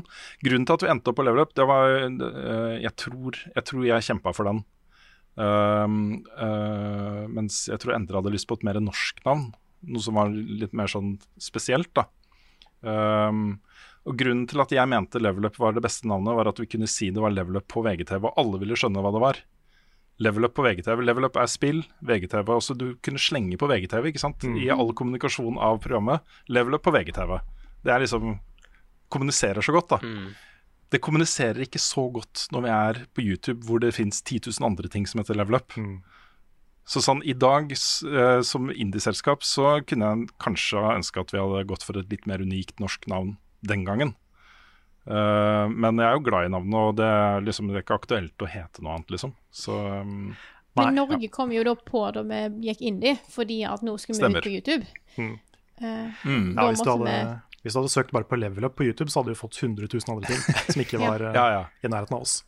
så, Ja, det fins jo til og med YouTube-kanaler som gjør mye av de samme tingene vi gjør, og som også heter Level Up. Mm. så, så derfor så har vi lagt på Norge, da. Um, det er rett og slett bare for at folk skal finne oss lettere, og skjønne at det er oss, og ikke noe annet Level Up-greier. Men vi har ikke kontor i Norden. Nei, vi har bare kontor i Bare kontor Norge. i Norge. Vi, har, vi har mange kontor i Norge, da. Vi Ja, har liksom i Trondheim, og noen er ganger på Stord. Ja. Og så har vi flere steder i Oslo. Hvor er det du bor igjen, Nick? Eh, Kongsvinger. Kongsvinger har vi kontor. Hønefoss. Vi har Hønefoss, to i. Hønefoss nå, faktisk. To i Hønefoss. Mm. Hvor er Lars bor? Jeg trenger ikke å si gateadressen, kanskje. Nei, han, nei, han bor i Hønefoss nå. Ja, han har flytta til Hønefoss, han Jeg stemmer det. to i Hønefoss. Ja, to i Hønefoss. Mm. Så vi er jo uh, vidtrekkende allikevel, da. Ja. Mm. Absolutt. Ikke så mange launchparties, kanskje. Nei, julebord. Julebord har vi. Mm. Det Ja. prøver vi å få til hvert år. Mm. Mm. Boblevaffelutflukter. Ja. Ja. Har du funnet spørsmål, Nick? Jeg har et lite Før spørsmål. jeg tar siste? Eh, Skal vi se, Fra Hans Christian Wangli, som spør eh, liksom, hva, hva er vår beste overraskende spillopplevelse? Altså et spill som vi visste veldig lite om, da, som endte opp med å bli en stor spillopplevelse. For min del Hellblade. Ja, den kommer nok ganske høyt opp på min liste også. Trodde jeg. Night in the Woods. Ja. For Undertale hadde jeg hørt litt om. Jeg visste det var noe spesielt. Ja. Jeg, jeg tror det er Undertale for meg, fordi jeg, um, jeg forventa ikke at det skulle bli et favorittspill for meg. Det ble mye sterkere enn da jeg hadde trodd, men jeg hørte jo om det fra deg, Carl, så jeg på en måte føler altså Night in the Woods var bare sånn eh, Frida, dette er et spill for deg. Og jeg bare OK. så det var liksom Det var helt bar bakke, da. Åh, jeg, jeg må jo si da, Jeg har jobba med dette her en stund. Og da jeg begynte å lage spilleanmeldelser, så fantes det jo ikke noe Facebook eller Twitter eller Instagram eller noe hype-maskineri, sosiale medier. Ikke noe sånn derre det, det var ikke noe through the grapevine på en måte. Og ikke bare det, jeg leste jo ikke spillblader og sånt heller. Så, så ting kom veldig overraskende på meg. Og det er store ting, altså. Sånn som eksempel Half-Life. Oi.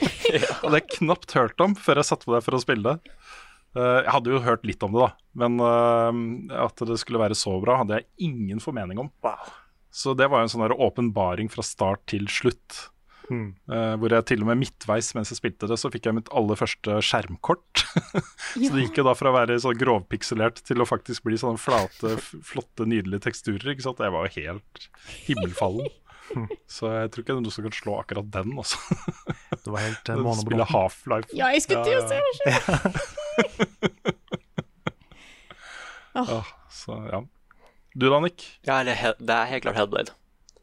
And, har du noen andre, eller er bare Og, ja, Det er nok, det, altså. nei, fordi det, det var liksom der. Jeg husker så godt den dagen med at det, det er spill fra norrøn mytologi. Det har jeg veldig lyst til å teste, bare fordi det, det så litt kult ut, den combaten og sånn. Men jeg ante liksom ikke noe om karakteren. Eller hva det spillet gjorde med Mm. Ja, lyden, eller historien, eller noe sånt. Ja, det er kjempekult. Så bare sitter jeg gjennom alt og bare Å, herregud, er dette her en tier? Jeg har akkurat gitt Nier Automata en tier. Er dette enda Ja. en tier? Mm. Altså, det var litt magisk. Men utenom det, så Jeg kommer ikke på så mange andre, ass. Som var så overraskende, liksom. Å, jeg har en til. Ja. Ratchet and Clank, det første. Var heller ikke klar over hvor eh, bra det var før jeg satte meg ned med, å, med det og faktisk spilte det. Det var, eh, den kom litt ut av det blå for meg, faktisk. Jeg må si òg det samme med Super Smash Bros. Melee. Da tok meg eh, tok, Gud, Hvor gammel var jeg da den kom ut? Når GameCube kom ut, var det i 2001? Jeg tror du var tre? 2003, ja? Eller noe sånt. Nei, jeg tror du var tre. Nei, jeg var tre. Ja. Ja. Nei, et, et, hvis jeg husker rett, så er det 2001. Uh, da var jeg sju. Ja. Ja. Så eh, da tok eh, sju år gamle meg helt på senga. Ja, jeg ser den. Å, herregud. Dark Souls. Den er jo Ja. Oi. Jeg holdt på å si jeg hadde spilt i God Hand, og så gikk jeg over til Dark Souls. Mm. Det var så pretty cool. Nei, der var jeg late to the party. Da skal jeg ta siste spørsmål her. Mm. Da eh, tar vi et spørsmål her som er fra Kristoffer Gettoboys Hansen Leistad. Han skriver Ja. gift, Ja, sier jeg. Ja. ja, ja. Han skriver 'Gifta meg på lørdag, og det var en fantastisk dag', men følte noe mangla på festen, og det var noe fra spillkulturen. Hva spill ville dere brukt som inspirasjon til pynt og underholdning på bryllupsfesten? Kristoffer, her sender jo inn har jeg sendt en del spørsmål, så jeg vil bare si gratulerer med å gifte deg. Ja, gratulerer. Veldig, veldig hyggelig, altså. Veldig stas. Er kjempehyggelig. Mm. Hvordan uh, pynte til uh, spillpynte Ja. på en bryllupsdag? Du skal gifte deg, Frida. Har spillkultur og spillpynt noe å gjøre på din eh, markering? Eh, om det har noe å gjøre der, er jo en ting, men om det har en plass der, da Ja. har det ikke noe. Nei. Eh, det handler egentlig bare litt om hva valg vi har tatt for eh, hvordan ting skal være. Og vi går for en ganske sånn klassisk Altså, det er jo inni et, et låvebygg, dette her. Eh, så det blir på en måte den stilen, da. Eh, jeg har ikke kommet på en plass der gaming skal inn der, som jeg Vet føler er naturlig. Jeg har et tips til deg og til Kristoffer. Det er for sent nå, da, men neste gang du gifter deg, eller eh, andre som skal gifte seg, Ja. eh, bare droppe kake. Ikke ha kake, for the cake is a lie, ikke sant? Ah, Ja, det er billigere òg. Mm. Ja, det er billigere. Nei, da, da tror jeg søsteren min blir litt sur. Hun er jo konditor, så hun skal lage den. Altså, det er jo liksom Spillkake er jo lett. Ja, lage Ja. liksom. Mm.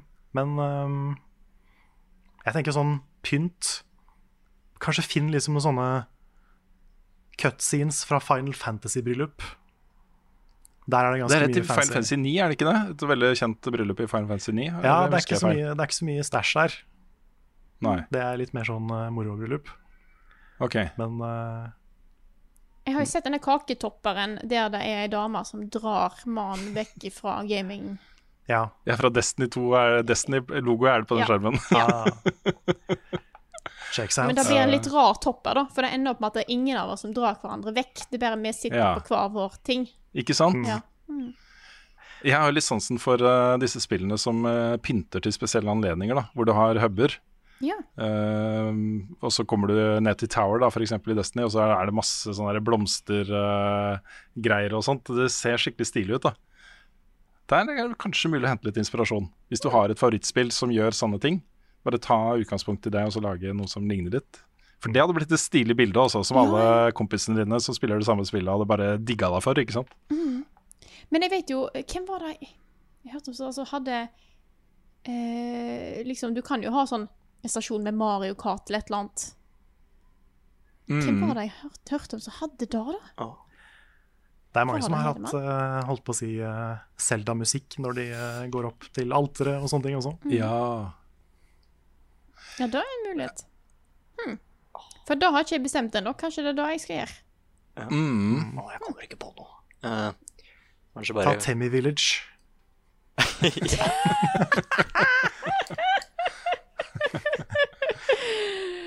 Jeg har veldig sansen for at folk går litt uh, utenfor, uh, utenfor konvensjoner, da. Sånn, uh, sånn som i, um, i Love Actually, for eksempel, den bryllupet i starten der.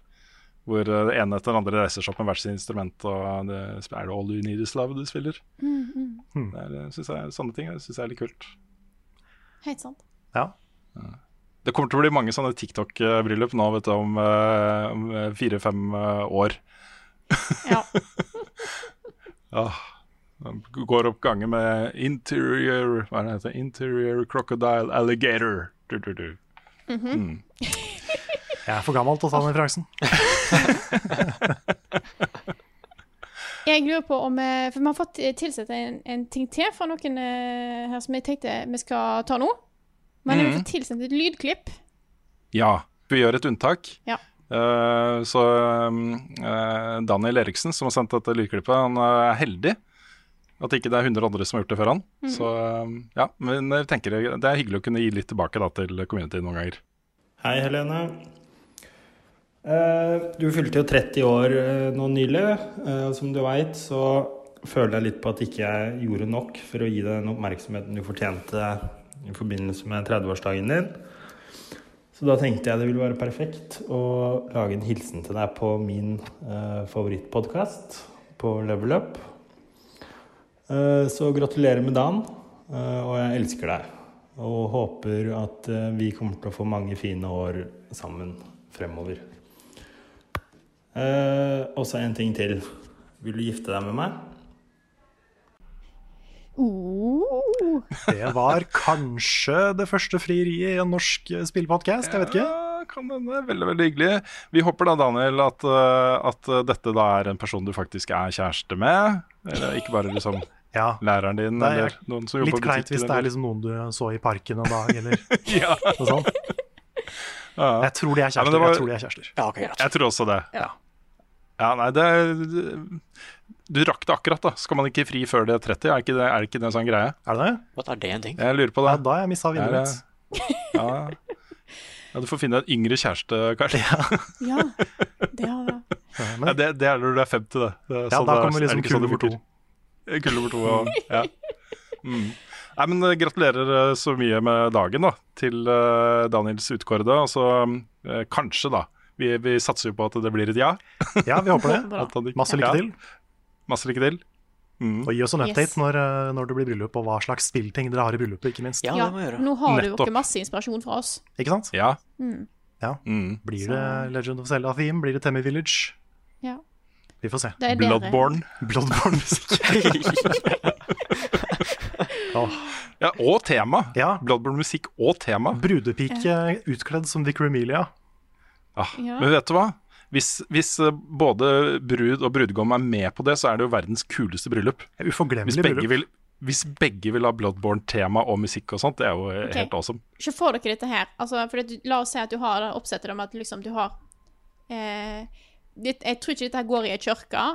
Det Jo da, jo, det er bra. Jo, det går kjempebra, men det må være en stor det en domkirke. Stor domkirke. Og så har du alle som sitter liksom på rade, og så går eh, bruden og brudgommen, hvis du ser, eller de går fram, og så har de sine ting foran, og når de snur seg, så har alle blitt sånn der amygdala. amygdala. Ja, det kan gå. Mhm. Det er kult, altså. Det- Tenk, er på, tenk hvor skremt mormor blir, liksom. Nei, men du er jo oppdatert for det, ikke sant? Ja, det er sant. Eller så kan dere ha sånn Animal Crossing, sånn, sånn furry-bryllup. Og med det så tror jeg kanskje vi tar en runde av denne podkasten her. Ja. Eh, dette her er en spillpodkast utgitt av moderne media. Låten i introen og outroen er skrevet av Ole Sønnik Larsen og framført og arrangert av Kyoshu Orkestra. Vignettene er lagd av fantastiske Martin Herfjord. Du finner mye mer innhold fra oss på YouTube-kanalen vår, youtube.com slash levelupnord, og på twitch.tv slash levelupnord. Og hvis du liker det vi gjør, så er det bare å gå inn på patreon.com slash levelupnorge og støtte oss med det beløpet du har lyst til der. Eh, så vil jeg si tusen, tusen takk til alle som støtter oss, og som, delt, eh, som er med i det hyggelige communityet vårt. Altså alt liksom som er der rundt oss. Det er en veldig sånn hyggelig ting, dette her. egentlig. Takknemlig for det hver eneste dag. Ja. Det er helt fantastisk. fantastisk. Det er, eh, det er sånn, Når man er på ferie, så savner man det litt. Jeg savner å liksom prate Mm. med community og, og chatten og Ja. kommentarer. Ja. Og, Mm. i det hele tatt. Det er veldig koselig. Så jeg har savna dere. Både dere jeg sitter og spiller en podcast med, men også community. Så da sier jeg eh, Nå har jeg hoppa ut av spillet min, og det er en dårlig idé. Mm. Takk til alle, dere som, alle som bidrar, og til alle som hører på. Og så snakkes vi igjen neste uke.